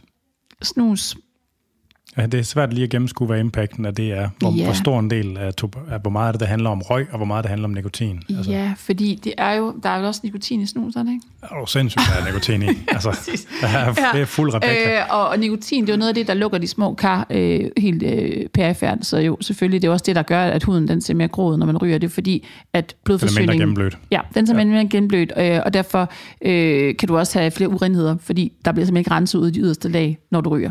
Øh, Så folk, der ryger, har jo også mere tendens til, nu siger jeg lidt sat på spidsen, men bylder og bumser og alt sådan noget, fordi at huden simpelthen ikke bliver renset nok. Øhm, og det ser vi også med kirurgien. Hvis folk de ryger, så har de jo en øget, kæmpe øget risiko for betændelse, fordi Ja, der simpelthen og ikke bliver dårlig renset nok. opheling. Og dårlig opheling. Så, så rygning har jo ikke så meget godt at sige, øh, hvis man snakker på, på hud. Øh, jeg ved godt, det kan være svært at sige til folk, at de skal holde op med at ryge, men det er jo bare øh, utroligt, det stadigvæk er lovligt, ikke? når man tænker på, hvad, hvor meget skade det giver. Øhm, men ja. altså, og så, og så også det med alkohol, den vil jeg faktisk også godt ind på, fordi alkohol er virkelig også sådan en, øhm, den sætter jo lidt leveren i stå, alkohol, for at sige det sådan lidt øh, firkantet. Ikke? Altså når man drikker alkohol, så er det vigtigste for leveren, som jo ellers er vores udrensende organ i kroppen, jo at afskaffe sig med det her alkohol, der er i kroppen. Så andre processer i leveren bliver underprioriteret, når der er alkohol i kroppen. Det vil sige, hvis du jævnt går og drikker alkohol, så om herregud lidt fedt, der, jeg drikker ikke så meget, jeg bliver ikke fuld op men det er stadigvæk sådan over tid drikker meget alkohol, så har du faktisk hele tiden en lever, der er sådan semipresset over at skille sig af med det her alkohol, så andre processer bliver underprioriteret. De andre, andre processer er jo så udrensningsprocesser, som jeg snakker om her specifikt til huden. Ikke? Mm. Okay? Så øh, den kan man også tænke over. sådan, øh, hvis man sådan på en lang bane gerne vil sådan, øh, bevare vitalitet på alle mulige fronter, også med huden. Ikke? Ja, det med alkohol det er et kompliceret område, fordi mm. øh, litteraturen har jo efter i mange år peget på, at det formentlig var bedre at drikke lidt, end slet ikke at drikke. Mm. Mm. Og så er der så kommet et, par metaanalyser ud nu her i nyere tid, der, hvor de mener, ligesom, at det passer ikke, at det er skadeligt i alle mængder. Og nu foregår der sådan en relativt intens videnskabelig debat om, hvem det er, der har ret i det der. Mm. Mm. Men det interessante, det er jo, at akutstudier viser jo, at øh, altså, vi ved jo, at alkohol det er blodtrykssænkende, men akutstudier viser for eksempel også, at det øger insulinfølsomheden Mm. Ja. og påvirker som flere andre biomarkører, man egentlig vil tænke som noget gunstigt. Altså, der er ikke nogen tvivl om, det er kraftfremkaldende, men det tyder på, at det godt kan have nogle gunstige kardiometaboliske effekter alligevel. Så det er sådan et, mm, ja, Jamen det vilde er jo, at jeg så et studie på alkohol øh, i forhold til, hvorfor er Danmark et af de lande i Europa med højst incidens af brystkræft hos kvinder. oh yes. Det eneste, man kunne se forskel, når vi sammenligner os med lande, som vi ellers sammenligner os med, det var indtaget alkohol. Det er lidt skræmmende, ikke? Jo. Jo. Altså, fordi vi ligner jo også populationen i Holland. Men observationelt, og, Og, helt, præcis, præcis. og der kunne sagtens præcis. være der noget kunne være andre ting også, men altså det er bare sådan, det er alligevel interessant, at så bonger den mest ud på alkohol i Danmark, ikke? Ja, Der er ja. en kultur, der sådan gør, at det, det må man gerne, og det må man, altså det, ja, det er vildt. nok. ja, ja. Øhm, kosttilskud, der giver du sådan mm. overordnet set, i hvert fald Ja. ja. tommelfingeren ned, eller siger, at det skal Ja. prioriteres sidst. Ja, nej, det skal prioritere. Der er nogle kosttilskud, som er, øh, helt klart, øh, man skal tænke ind. Det er jo sådan, øh, altså D-vitaminer og kalk generelt skal man jo sådan lige have en føler på. Øh, Kalk for huden også. Nej, det er mere for optaget af den, ikke? Så, altså, så man ser på for, for D-vitamin ind. Men det har jo også gunstig effekt på hele din vitalitet at tage de her D-vitaminer og kalk. Det er sådan mere sådan en ting, som, øh, kan man sige, den har jo også en effekt i huden, ikke? Øh, mere, at, at det er et ret vigtigt kosttilskud at tage, også for alle mennesker i Danmark. Så det er meget godt at, at i hvert fald tage den prioriteret ind, hvis du også vil passe på dit helbred i øvrigt, ikke? Jo. Øh, og så huden selvfølgelig. Øh, Fiskeolie kan være rigtig god, hvis man ikke sådan er typen, der spiser så meget fisk, og ikke sådan, man ved ikke helt, får man nu nok øh, fedtstoffer alligevel, så sådan noget som fiskeolie kan være rigtig godt at tage ind. Som en generel sådan, sundhedsting, eller som en Jamen, også specifik som hudting? huden, ja, som huden. Hvis du for eksempel døjer sådan meget med tør hud, så er det en meget god idé, øh, har i hvert fald set, at man sådan ligesom booster sig selv i en periode med rimelig meget fiskeolie, som ligesom får gang i sådan, at, at, at balancen øh, øh, kan man sige, bliver mere genet- genetableret. Ikke? DHA eller EPA? Eller er det lige meget? Det, lidt- det har jeg ikke nogen holdning til. Nej. Nej. Det er sådan, øh, måske lidt af hver. jeg kan ikke huske, Ja, når man, ja, når man det- de interkonverteres jo Ja. i nogen Mm. grad, så det kan, Mm. altså, Mm. spørgsmålet er jo også, altså, om, øh, om de plantebaserede, om de kan gøre det samme.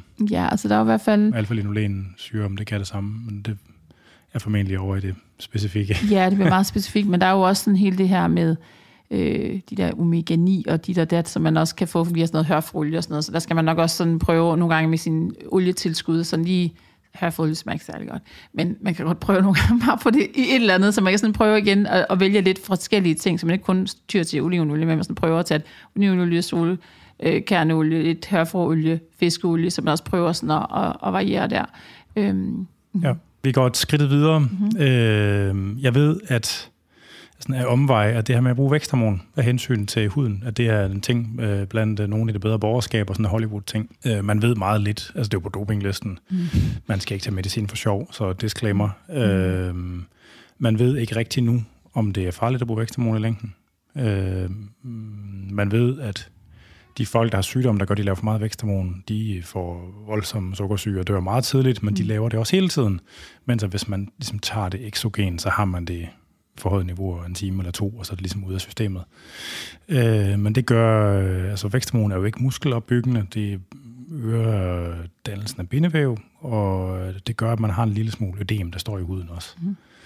Øh, og, og ja, så gør det formentlig også, det øger sådan kollagensyntesen og sådan noget i huden. Altså, men, men øh, er det noget, du har en holdning om den praksis, til den praksis?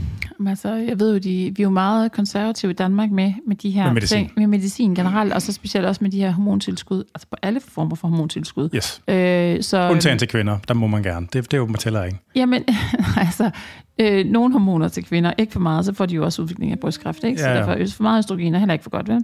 Men, men det er jo interessant, og det kunne være rigtig godt at få nogle kan man sige, studier på, hvad er den her dosis, som man må tage, hvis man må tage væksthormon? I hvilken, hvilken grænse er det så? Øh, der tror jeg, at øh, man i USA faktisk har eksperimenteret med det her rigtig meget.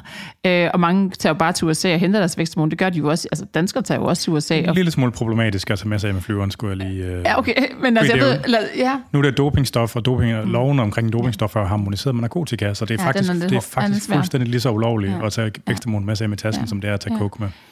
Og det vil nok, det vil jeg ikke klar over. Men jeg ved i hvert fald, at folk tager derover, så tager de måske en kur, og så tager de hjem igen. Det er i hvert fald... Ja, øh, ja. Men... Øh, Altså, Man skal huske på, at, ja. at en del af den, altså årsagen til det forskellige arter, det er jo også, at vi har universel sygesikring, mens mm. at man som mm. læge i USA sælger en ydelse. Man skal have glade ja. kunder i butikken. Så hvis folk kommer og spørger efter noget, og man ikke decideret slår mm. dem ihjel ved at give dem det, så gør man så gør det jo. man det bare. Ja, præcis. Vores hud og vores krop er jo et helt vildt netværk af, af transmitterstoffer og hormoner, der snakker sammen, og alt muligt, øh, der giver et resultat i, hvordan har du det, hvordan ser du ud, ikke? hvordan fungerer du. Så derfor er der jo rigtig meget viden, vi ikke har endnu specifikt om, hvad er den bedste opskrift på den optimale fine-tuning af de her ting, der skal spille sammen. Ja. Og jeg synes, det er mega spændende, fordi du ved jo også bare, at søvn i sig selv påvirker også dit hormonspejl. Altså så allerede der er der også hvordan sover du? Hvis du ikke sover godt, så er dit hormonspejl også påvirket det. Men hvis du sover godt, kan du så selv speede din øh, hormonbalance op i et bedre niveau. Altså, og hvad kan du så gøre, hvis du ikke sover godt og får lidt hjælp med nogle hormoner? Hvad sker der så? Altså, det er jo rigtig, rigtig svær opskrift, mm-hmm. men mhm. mega spændende. Øhm, og mega spændende, at der er så meget, vi heller ikke ved endnu. Vi ved det også, at for eksempel vores fedtvæv, der ved vi, der er rigtig meget, øh, kan man sige, øh, aktivitet, selvom folk hader deres fedt, så er det jo rigtig vigtigt organ, fedt i sig selv. Øh, ja, ja. Og vi bruger det jo også i plastikkirurgi med fedttransplantationer. Mega spændende. Super mange øh, enzymer, vækstfaktorer, øh, stamceller, der ligger sig og gemmer sig i det her fedtvæv, som vi bruger aktivt. Ikke? Altså, og gluteofemoral fedt er forbundet med sundhed generelt i kvinder. Det er det, altså. det er det. Øh, altså, mega spændende, at det er så komplekst, men også mega svært af den grund at give folk helt præcise opskrifter på, hvad de skal gøre. Og det er det, jeg ligesom startede hele øh, vores samtale med omkring at sige, at det er virkelig komplekst, og der er virkelig også noget med den enkelte og den dagsform, der også har betydning for, for alt det her. Ikke? Øhm, men øh, jeg vil da gerne se øh, nogle doser på de her væksthormoner, hvis det ender med, at man laver studier, der viser, at det ikke er så, så skadeligt i små doser, som små, du ved, peaks, du giver. Øhm, men når vi ikke har dem, så er jeg bare heller ikke sådan, så synes jeg ikke, folk skal eksperimentere med det. Men det gør de men det gør det. Så det var godt, ja. at du havde nogle erfaringer. Det er godt, du har set nogen, eller snakket med nogen. nogen nej, eller... altså jo, jeg ved kun, at dem, som jeg kender, som øh, kommer ind og siger, at de har taget nogle af de her øh, cykler og væksthormoner, altså de har aldrig haft det bedre. De synes, de ser fantastiske ud, og det giver jo et kæmpe velvære på alle planer, og, og udsendsmæssigt også får de jo et boost. Ikke? Og der er noget med negle og hår, der også øh, ja, har det relativt præcis. vildt. Ja, man, øh... det er nemlig det, ikke? Ja. ja. Så ja, det har helt haft en gunstig effekt, ikke? Mm. Ja, og man kan jo mm. sige, hvis det var meningen, hvis det kun var godt at have højere niveauer af det, så var vi nok lavet, så vi havde mere af det til at starte med. Ja. Så det er jo ligesom... Det. Jamen præcis, det er det. Man ved desværre, altså jeg, jeg vil gætte på, at væksthormon, det Altså jeg tror, jeg, jeg, personligt, mit gæt er, at det er relativt harmløst, altså mm. at de usundhedseffekterne mm. er begrænset, men det er jo ikke noget, der er undersøgt overhovedet. Det er ikke noget, der er undersøgt, og det er også, hvordan er ens egen øh, affinitet for det? Ja, ja, ja. Det er det næste, ikke? Ja. Og når så det, det er, ja, altså du ved... Ja, så vi afventer. Vi afventer i spænding, ja. ja. Vi afventer. Øh, og man kan sige, at hele, man kan sige, i hele dopingmiljøet, der bliver det jo brugt flittigt, men der er det jo altid sammen med steroider. Og der tyder mm. det jo mm. i hvert fald om noget på, at den har en, hvad skal man kalde det, en negativ synergi okay. sammen med steroider i mm. de effekter, der har på hjertemusklen. Mm. Øhm, okay, det er ikke så godt. Og det, det er nemlig ikke så godt. Man vil gerne have, en, øh, man vil gerne have et smidigt hjerte. Og det, men, men det er vel også derfor, du ser nogle af de her bodybuildere, eller hvad ved jeg, som dør tidligt. Det er vel fordi, de har en dårlig cocktail der, så de får vel hjerteproblemer på grund af det? Jo, jo. Altså, det må jo, jo være altså, noget... Ja. Jo, afgjort. Mm. Altså det, er, det kan man sige, det er den klart bedst dokumenterede bivirkning. Øh, mm. Eller den bedste, altså det, det, det, det der i hvert fald oftest fører til dødsfald. Ikke? Mm. Altså, øh, ja, så må de jo også have en form for leverpåvirkning med alt det, der skal Leveren, den kan holde rigtig, rigtig, rigtig meget. Ja, okay. Og det er jo gerne sådan, altså hvis man begynder at få dårlig lever, mm. så ja. får man det skidt. Mm. Mm. Og, og så får man det så skidt, at man ikke gider at træne og ja. tage krudt mm. og mm. Øh, spise mere. Og så går, har det ligesom det selvregulerende på mm. den måde. Ikke? Mm. Altså sådan noget som for eksempel at få øh, altså arvæv i leveren efter ja, sådan noget steroider. Det er stort set uhørt. Ja, ja, ja, altså, og der er ikke etableret en sammenhæng mellem leverkræft for eksempel og bruge Nej, okay. Så det er mere på det kardielle, der sådan... Ja, det er, kardi, ja. altså, det er, mm. det er kolesteroltallene, der stikker af, og mm. det er hjertemusklen. Mm. Altså, og så er der noget med blodtryk øh, og hematokrit, som så kan have en nyere påvirkning. Mm. Så jeg nok sige, at altså, nyere og hjerte er nok mm. det, der sådan er det mest øh, mm. belastede. Ret centrale organer. Bevares. Held, bevares. Ja. Øh, er der noget med, hvad kan man sige, hudtyper? Jeg ved, der findes mm. flere forskellige systemer til at kategorisere mm. hud. Kan du sige mm. noget om, ligesom, om, om der er ja. ligesom... Altså, vi ved jo, at øh, sådan en hudtype, som en asiatisk hudtype, ja. er jo født med mere kollagen øh, end, end vores hudtype. Øh, og det gør jo også, at asiater tit øh, lever mange, mange år uden rynker i forhold til os. Ja. Øh, sådan en nordisk hud, øh, hudtype 1. Man klassificerer sådan, der er mange klassifikationer for, man kan sige fire typer, ikke? Altså sådan lys hud, som nordisk hud, så er der sådan øh, en uh, hudtype 2, den er sådan mere øh, øh, mellem øh, ja, sydlandske middelhavsområdet, ikke? Øh, og så er der type 3 og 4, som så bliver, jeg vil sige, sådan mere mellemøstlig, og så helt mørk øh, type 4. Ikke? Så du har jo sådan på, på selve hudtonen, der, der klassificerer du.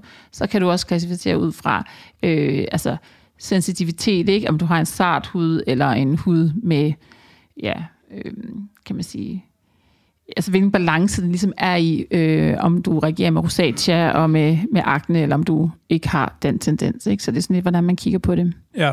Mm. Er der noget, man kan sige om, ligesom, øh, hvad for nogle, altså der er nogle hudtyper, ligesom man kan sige noget generelt om, at der er nogle bestemte ting, de skal gøre, som andre ikke skal gøre? Altså øh, hvis man øh, har mere fedtet hud for eksempel, skal man så vaske den mere, eller skal man lade det mm. være? Eller? Jamen altså, øh, fedtet hud skal jo sørge for at, at, at rense mere, det er klart, for ellers så stopper den til. Ja. Okay, så har du fedtet hud, tendens til sådan bumseakner, talknupper, vigtigt at få renset. Ja, altså jeg har, jo eksempel, jeg har jo ret fedtet hud i ansigtet, ja. men jeg får sjældent bumser. Ja, Meget men, men du skal stadigvæk sådan affitte. Okay, ja. så der er det sådan noget med, at netop øh, sådan noget som acetylsalicylsyre vil være godt, sådan noget med at få pilet, få renset den der lidt fedte overflade, så din hud kan ånde lidt bedre, og ligesom, ja, ikke være så fedtet, ikke? Ja. Er, det, øhm. er det sådan en behandling, man gør for sig selv, eller er det en ingrediens i cremer generelt? Det er en ingrediens, du kan få i cremer, men også en behandling, du kan, sådan en frugtsyre øh, maske, du vil kunne få, du vil have, have glæde af. Ikke? Okay. Mm. Ja. Så det er klart, en, en tør hud skal generelt have, have fugt, det siger sig selv. En, øh, en fedtet hud skal ligesom affedtes, skal ligesom lidt væk fra for meget fedtproduktion, så at sige, ikke? Og, og væk fra, at den kan danne urenheder. Ikke? Øhm, og det er sådan typisk de problemer, folk døjer med. Enten er den tør eller sådan fedtet, og så har du sådan kombineret, og de der, der det kan være sådan lidt svært, kombineret hud. Nogle gange tør, nogle gange fedtet, men altså, det er sådan lidt mere, øh, men altså der er jo sådan ligesom nogle, nogle, nogle øh, større ting, man kan holde fat i. Men en fedtet hud kan også komme, fordi du har bund, eller grundlæggende en tør hud, så danner din hud pludselig for meget fedt for at kompensere. Ja, reaktivt. Ikke? Så derfor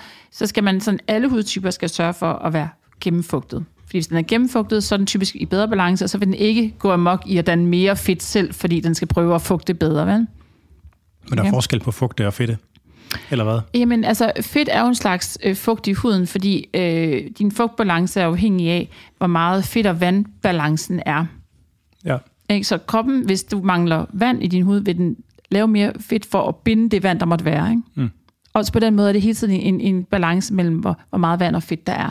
Og det er det samme med en creme. Hvis den er meget fedtet creme, så er der jo meget fedt i den creme, der gør, at den holder lang tid på fugten. En let lotion, som bare glider af, det er jo overvægten af, bare af vand, der er i den. Ikke? Så den Ja. glider også hurtigt af. Ja. Så, så det er jo sådan, øh, igen at mærke efter på sin egen hud, sådan, behøver måske ikke den fedeste creme, hvis du har en fedtet, men du skal alligevel sådan have noget fugt, der sådan gør, at, at den, den, får, den bliver næret nok med, med det. Ikke? Så det er jo sådan en fedt vandbalance, det meste baserer sig på. Og af den grund reagerer den. Ikke? Ja. Mm. Der var et spørgsmål, jeg glemte, da vi snakkede om det med om mad, som mm. handler om salt. Mhm.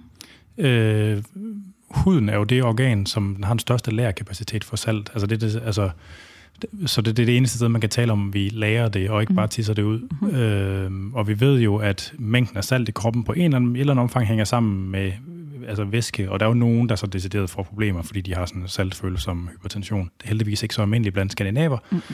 Øh, er, er det noget, du har en holdning om, gør en for, eller en tanke om, gør en forskel? Altså man kan godt forestille sig, så at mere salt, det gør ligesom, at man, at man har mere væske i huden, så den strider lidt mere og selv jævnere ud. Er det nogen, der, noget, der er nogen, der ved noget Ja, om? det, åh, det er ikke noget som sådan... Nej, for man vil jo aldrig anbefale folk at spise mere salt, hvis du mangler, hvis du har tør hud. Så vil jeg mere sige, at arbejde lokalt. Og Men der er mange, der noget aktivt fedt. reducerer deres saltindtag. Det kan Ja, man så det sige. er der. Øh, og det, øh, jeg tror egentlig, at de fleste har en rimelig normal saltbalance, både Okay. hud og, og krop, for ellers så... Ja, det er ikke noget, man taler om Det er betyder ikke noget, noget man taler om betyder noget. Nej, slet ikke. Øh, der er det mere, så vil jeg hellere sætte ind på, på med fedtet, hvis du sådan kommer med en meget tør hud, så sige, spiser du egentlig nok fedt? Har du evnen til at binde den hud, din, din, et fugt i huden, som du har behov for? Hvis ikke, så prøv noget mere fedt, ikke? Ja. Og spis ind, altså, ja, indvortes. Ja. Også. Øh, for, men det der med væksthormon, for lige at få afsluttet den, altså, øh, de havde jo sådan et, altså det hedder jo akromegali, den her sygdom, mm. folk, der laver for meget af det over tid, øh, eller som gør det hele tiden, og de skal jo de skal i, behandling, hvor de får noget medicin, der undertrykker noget væksthormonproduktion, ellers så kommer de til at dø unge. Altså det er simpelthen en ting. De lavede et forsøg på Bispebjerg med folk øh, derude, og der var det jo simpelthen et issue, at de kunne ikke tage blodprøver på dem, fordi deres hud var så sej, Ja. at almindelige nåle kunne, kunne simpelthen ikke, øh, de kunne ikke få hul på dem.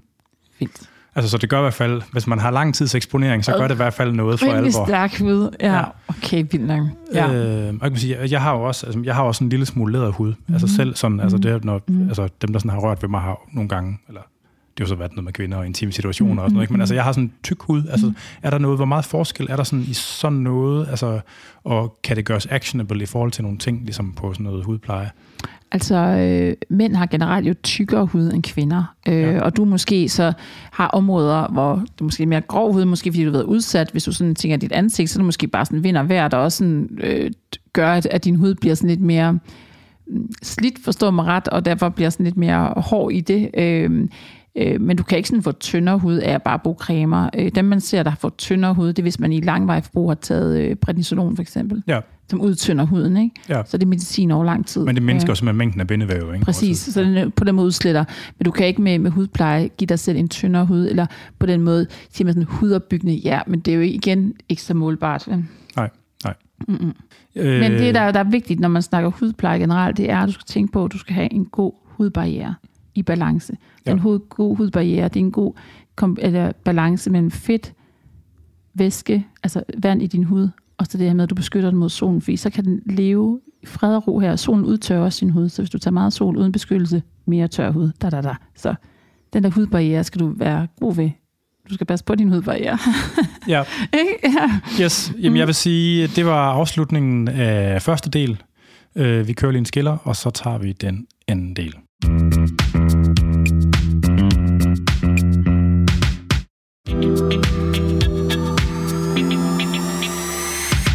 Så er vi tilbage. Nu skal vi snakke om træningslivet. Fordi Mhm. øh, det er jo sådan en ting, som jeg forestiller mig, der interagerer med, med det, man øh, ja, Altså med, hvordan huden den opfører sig. Jeg bader to gange om dagen, nogle gange tre. Øh, jeg bruger sæbe en gang om dagen, måske. Nogle gange hver anden dag kun. Mm-hmm. Så skyller mig for det meste kun, for Mhm. ellers så tænker jeg, at det bliver for voldsomt. Men det, Mhm. altså, det, ku- det, er- det er kun noget at trække ud af røven, for jeg aner ikke kæft om det. Jeg, aldrig, altså, jeg gør intet for at passe på min egen hud Mhm. overhovedet. Jeg ved, godt, jeg ved ikke, om det er meget tydeligt, men Ingen kommentar. jeg bruger, jeg bruger ingen cremer. Nå, men der, du må gerne skyde løs, det er ikke sådan. Altså, men hvad, der er jo sikkert mange derude i den samme situation. Altså, Mm. Øhm, altså det er jo, øh, det er jo, det er jo vigtigt at... Øh, når man sveder, det er klart, så kommer der jo, øh, så åbner, åbnes kanalerne i huden, ikke? Øh, ja. Både for sved og salt og øh, urenheder, der ligesom løsnes op. Det er jo klart, hvis du ikke går i bad, når du har svedt, så vil det jo tendensen til at ophobe sig jo være til stede, hvor du får øh, irritation af det her. Så det er klart, en enkelt gang, hvis du ikke lige når i bad efter træning, først bade om aftenen, det går nok, men det er jo bedst at bade lige efter træning, øh, så man med det samme får skyllet det her. Øh, ja, skidt af. Nogle holdninger til koldt og varmt vand?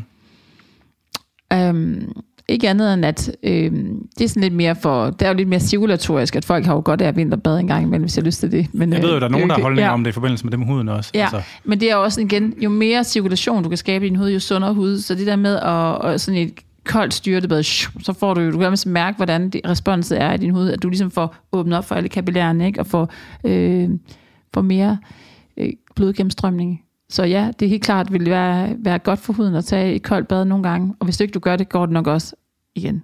Men jeg er sikker på, at det, det giver også en velvære i huden at tage et koldt bad, og det afspejler sig jo også. Så det her med, om, altså, om huden åbner eller lukker sig mm. med koldt og varmt vand, det er ikke mm. rigtig en ting, man skal bekymre sig om, eller hvad? Nej, men altså... Altså åbner sig i forhold til omgivelserne. Mm. Det er jo godt, når du skal rense en hud, at du har i hvert fald noget lunken vand, fordi så får du ligesom åbnet huden op for, at komme af med det, du gerne vil rense. Ikke? Ja. Øh, og så kan man så snakke om, skal man så lige skylle af med koldt vand, og måske så lukker den så lidt igen, men det kan du lige så godt gøre med de produkter, du så bruger. Ikke? Altså den creme, du bruger, den lukker jo huden igen. Øh, men det er klart, et, øh, jeg synes ikke, man skal stå sådan prøve bare sådan helt varmt vand, eller helt koldt vand, og så 10 gange. Det er der sådan nogle japanske idéer om, at man skal gøre. Det er sikkert også godt, hvis man sådan, øh, har lyst til det, men jeg tror nogle gange, at det er fint lige at, at stresse huden med at, at tage et, et koldt bad, eller et, et havbad, eller et eller andet. Ikke? Øh, ja. Men øh, det er sådan her nu. Ja. Ikke? At du sådan får en bedre blodgennemstrømning, og derfor kan se frisk ud. Ikke? Hvad med, øh, hvad med hår? Er det måske er det uden for din... Øh... Ej, hår, det ved jeg ikke så meget om. Jeg ved bare, at øh, man ikke skal vaske sit hår for meget, for så får man tør hovedbund og tørt hår. Ja. og så, så, så fjerner du kroppens egen mulighed for at danne fedt i hårbunden, der så kan reddes ud i håret, som så er med til at faktisk bevare håret. Altså, jeg forstår ja. virkelig ikke folk, der har mm. langt hår eller langt skæg og træner meget. Jeg, har, jeg, kan, jeg kan simpelthen ikke forstå det. Du kan altså, ikke det, forstå det? Nej. Altså, det må være så bøvlet, for jeg ved ligesom, at man kan, hvis man, hvis man ja. vasker det ja. tit, ja. så bliver der noget skrald, ikke? Ja, men, men, øh, man, man, men det er jo den der med, at man skal sådan ture, hvis man ikke at vaske for meget hår i hvert fald, hvis du vil bevare igen en sund hovedbund, fordi du danner jo naturligt fedtstof i din hovedbund, ja. og det er rigtig godt at få trukket ud i håret, for det beskytter det faktisk håret. Så hvis du hele tiden går ned og neutraliserer det, så har du ikke en særlig sund hovedbund, der danner det her fedt. Så skal du hele tiden leve på det silikone, som er i shampooen, der så skal få det til at skinne. Så det er nok sådan, nu ved jeg ikke, meget folk vasker hår, men altså, min frisør bevæger i hvert fald sådan max en til to gange om ugen, ikke? Jo. Ja.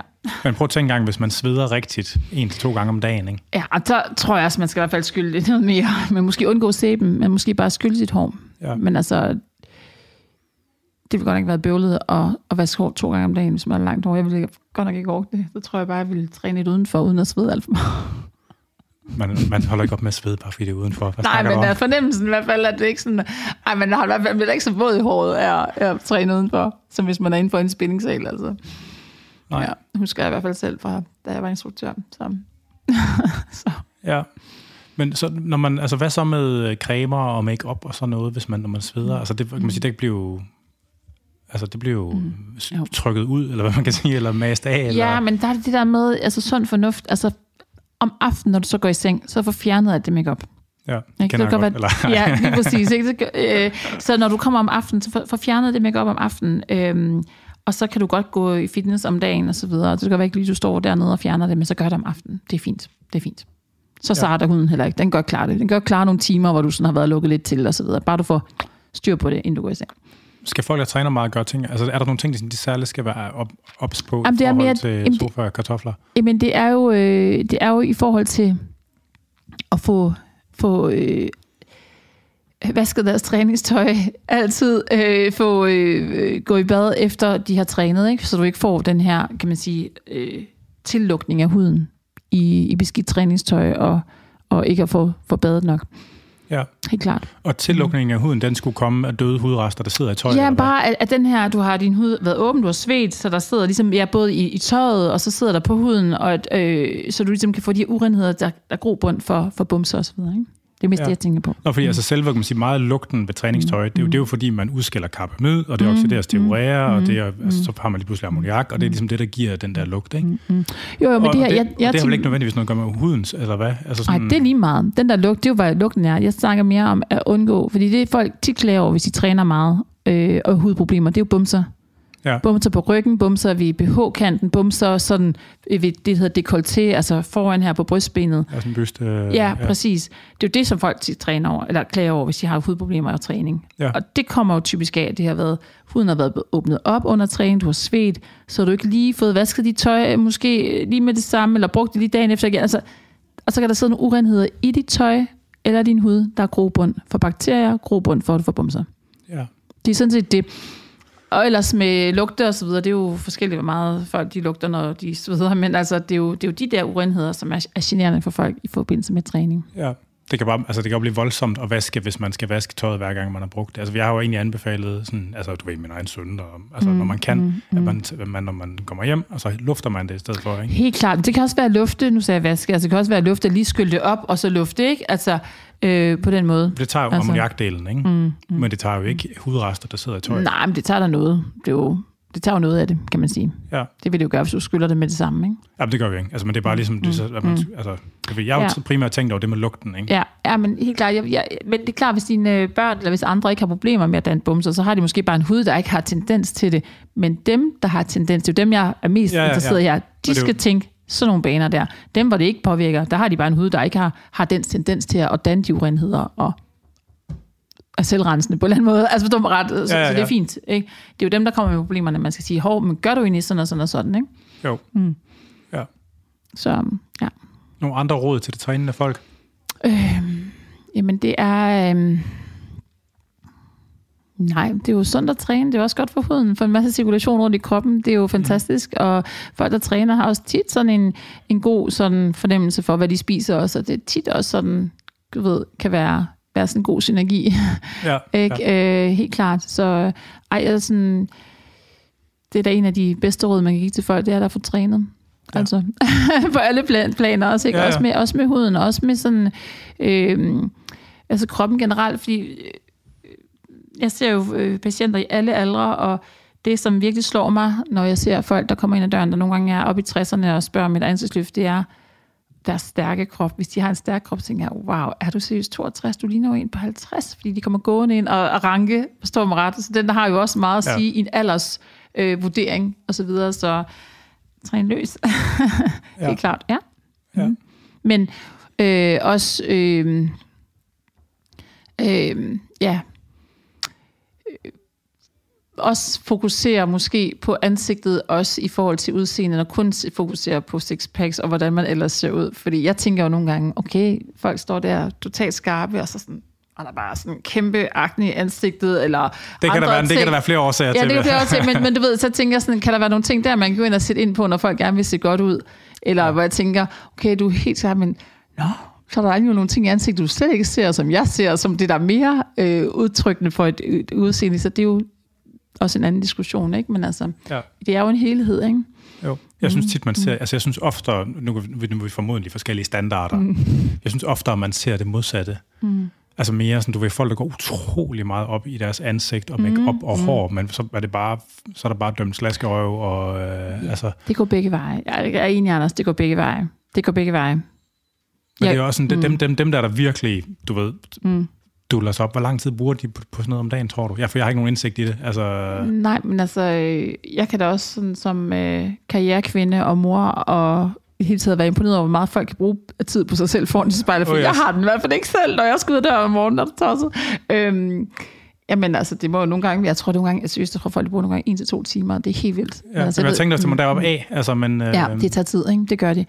Øhm, men øh, jeg er også bare mere som, du ved, jeg synes jo, at man skal heller ikke bruge for mange make op og for meget, og man skal heller ikke være for lavet, og man skal heller ikke være forberedt, man skal sådan, øh, på en eller anden måde finde en eller anden gylden middelvej, hvor man både har det godt med sig selv, udstråler det, det kan ses, øh, passer på sig selv, og bare ja, se ud, som man selvfølgelig gerne vil, men bare se godt ud. Altså, jeg, jeg er sådan, øh, jeg bliver jo lidt bange for, for patienter og mennesker, som, som har sådan kropsforvrængninger, øh, body dysmorphic syndrome, ikke? som øh, man også ser inden for træningsverdenen. Ikke? Oh, det yes. bliver jeg altid bange for, hvor jeg tænker, ej, scratch forfra, forfra, forfra. Vi skal ned og have helt styr på, hvad er realistisk, hvordan ser det ud, hvad kan du blive til, hvordan har du det godt, fordi det kan godt være, at du ser godt ud på en eller anden vis, men øh, ja, man skal også have det godt ind i.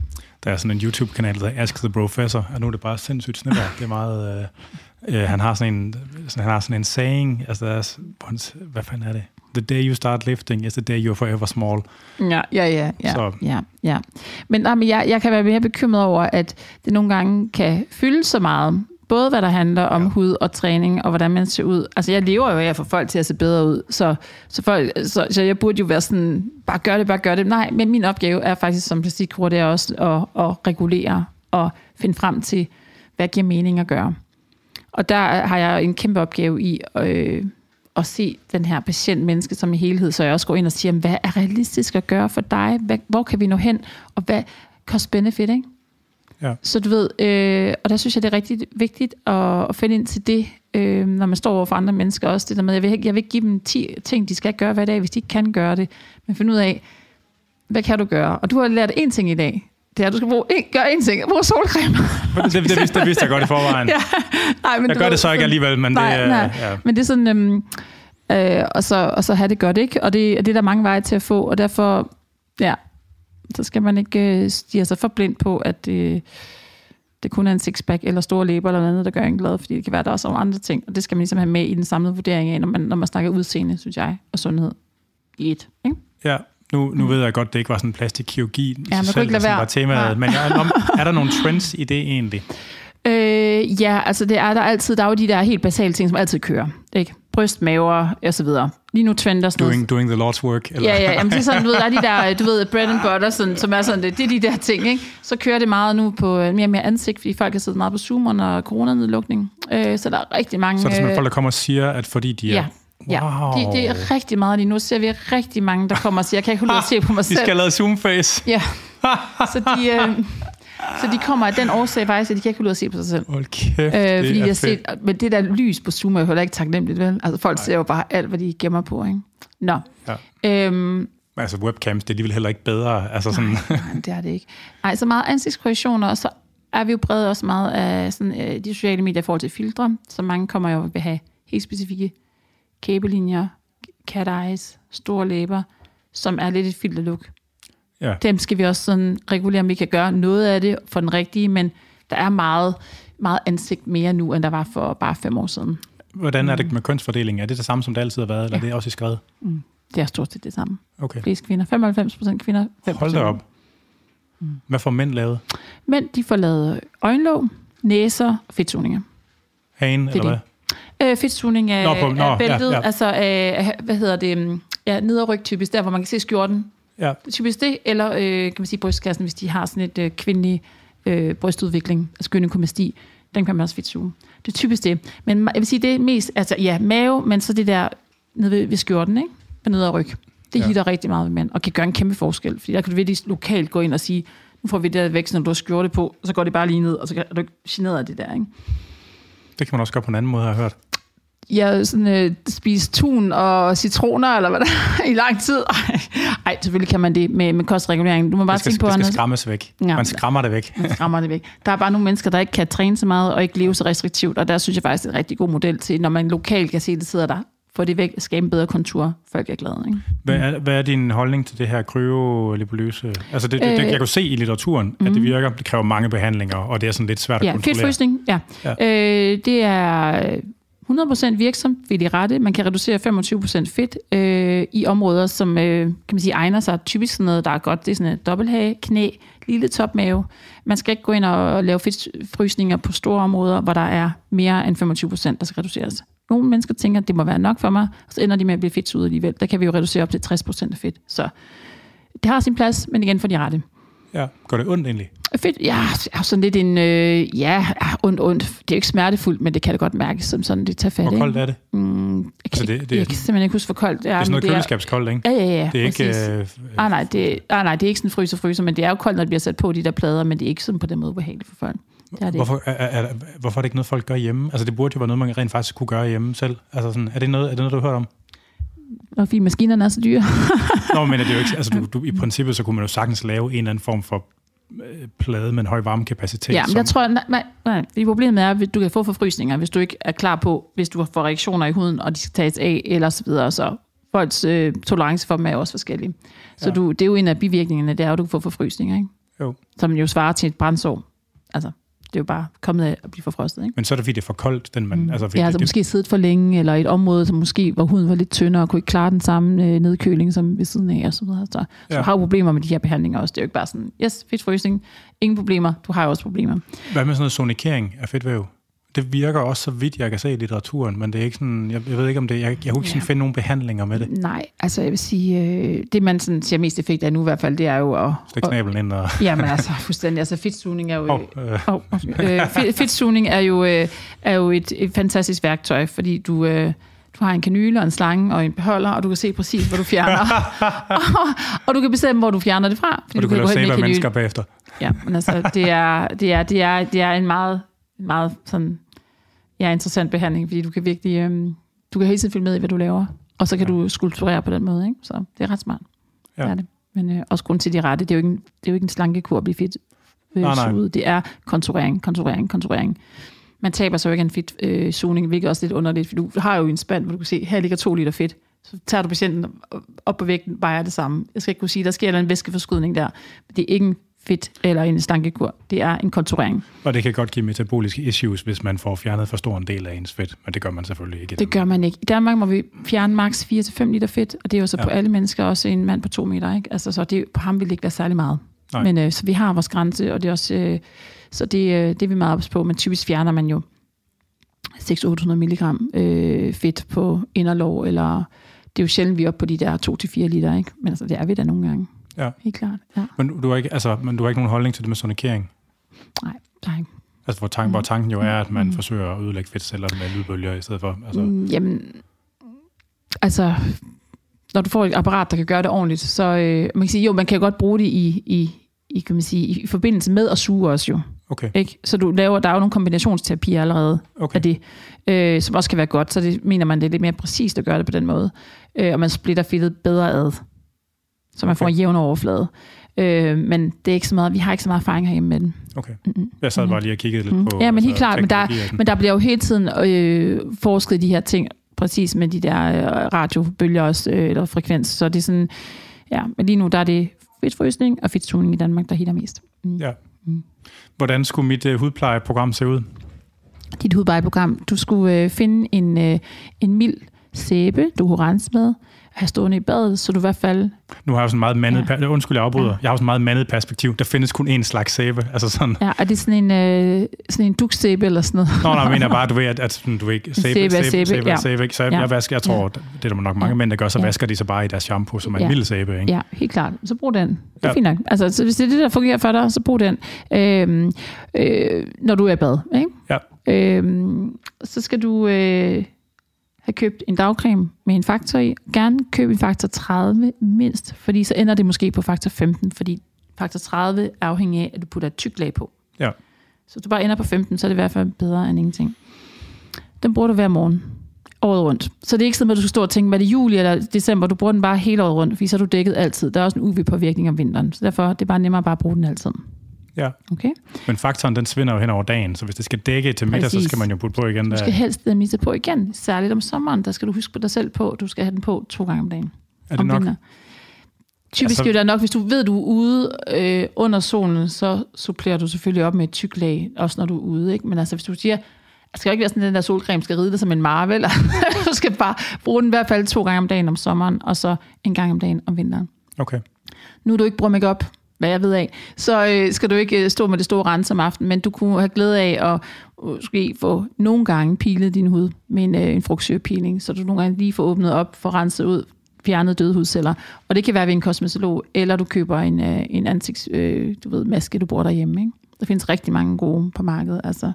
Øh, så du bare nogle gange siger til dig selv, nu leger jeg lige lidt... Øh, ja, du, Agu- eller hvad skal du sige? Ja, præcis. Øh, og, så, og så gør du lige det bare en gang imellem, fordi jeg tror faktisk, øh, at du vil kunne mærke en, øh, en, et velvære i din hoved, som du faktisk formentlig bliver ret glad for. Ikke? Hvad så, er en gang imellem? Er det hver anden uge, eller en gang Ja, i måneden? ja. Eller? ved du hvad, for dig en gang i måneden, ikke?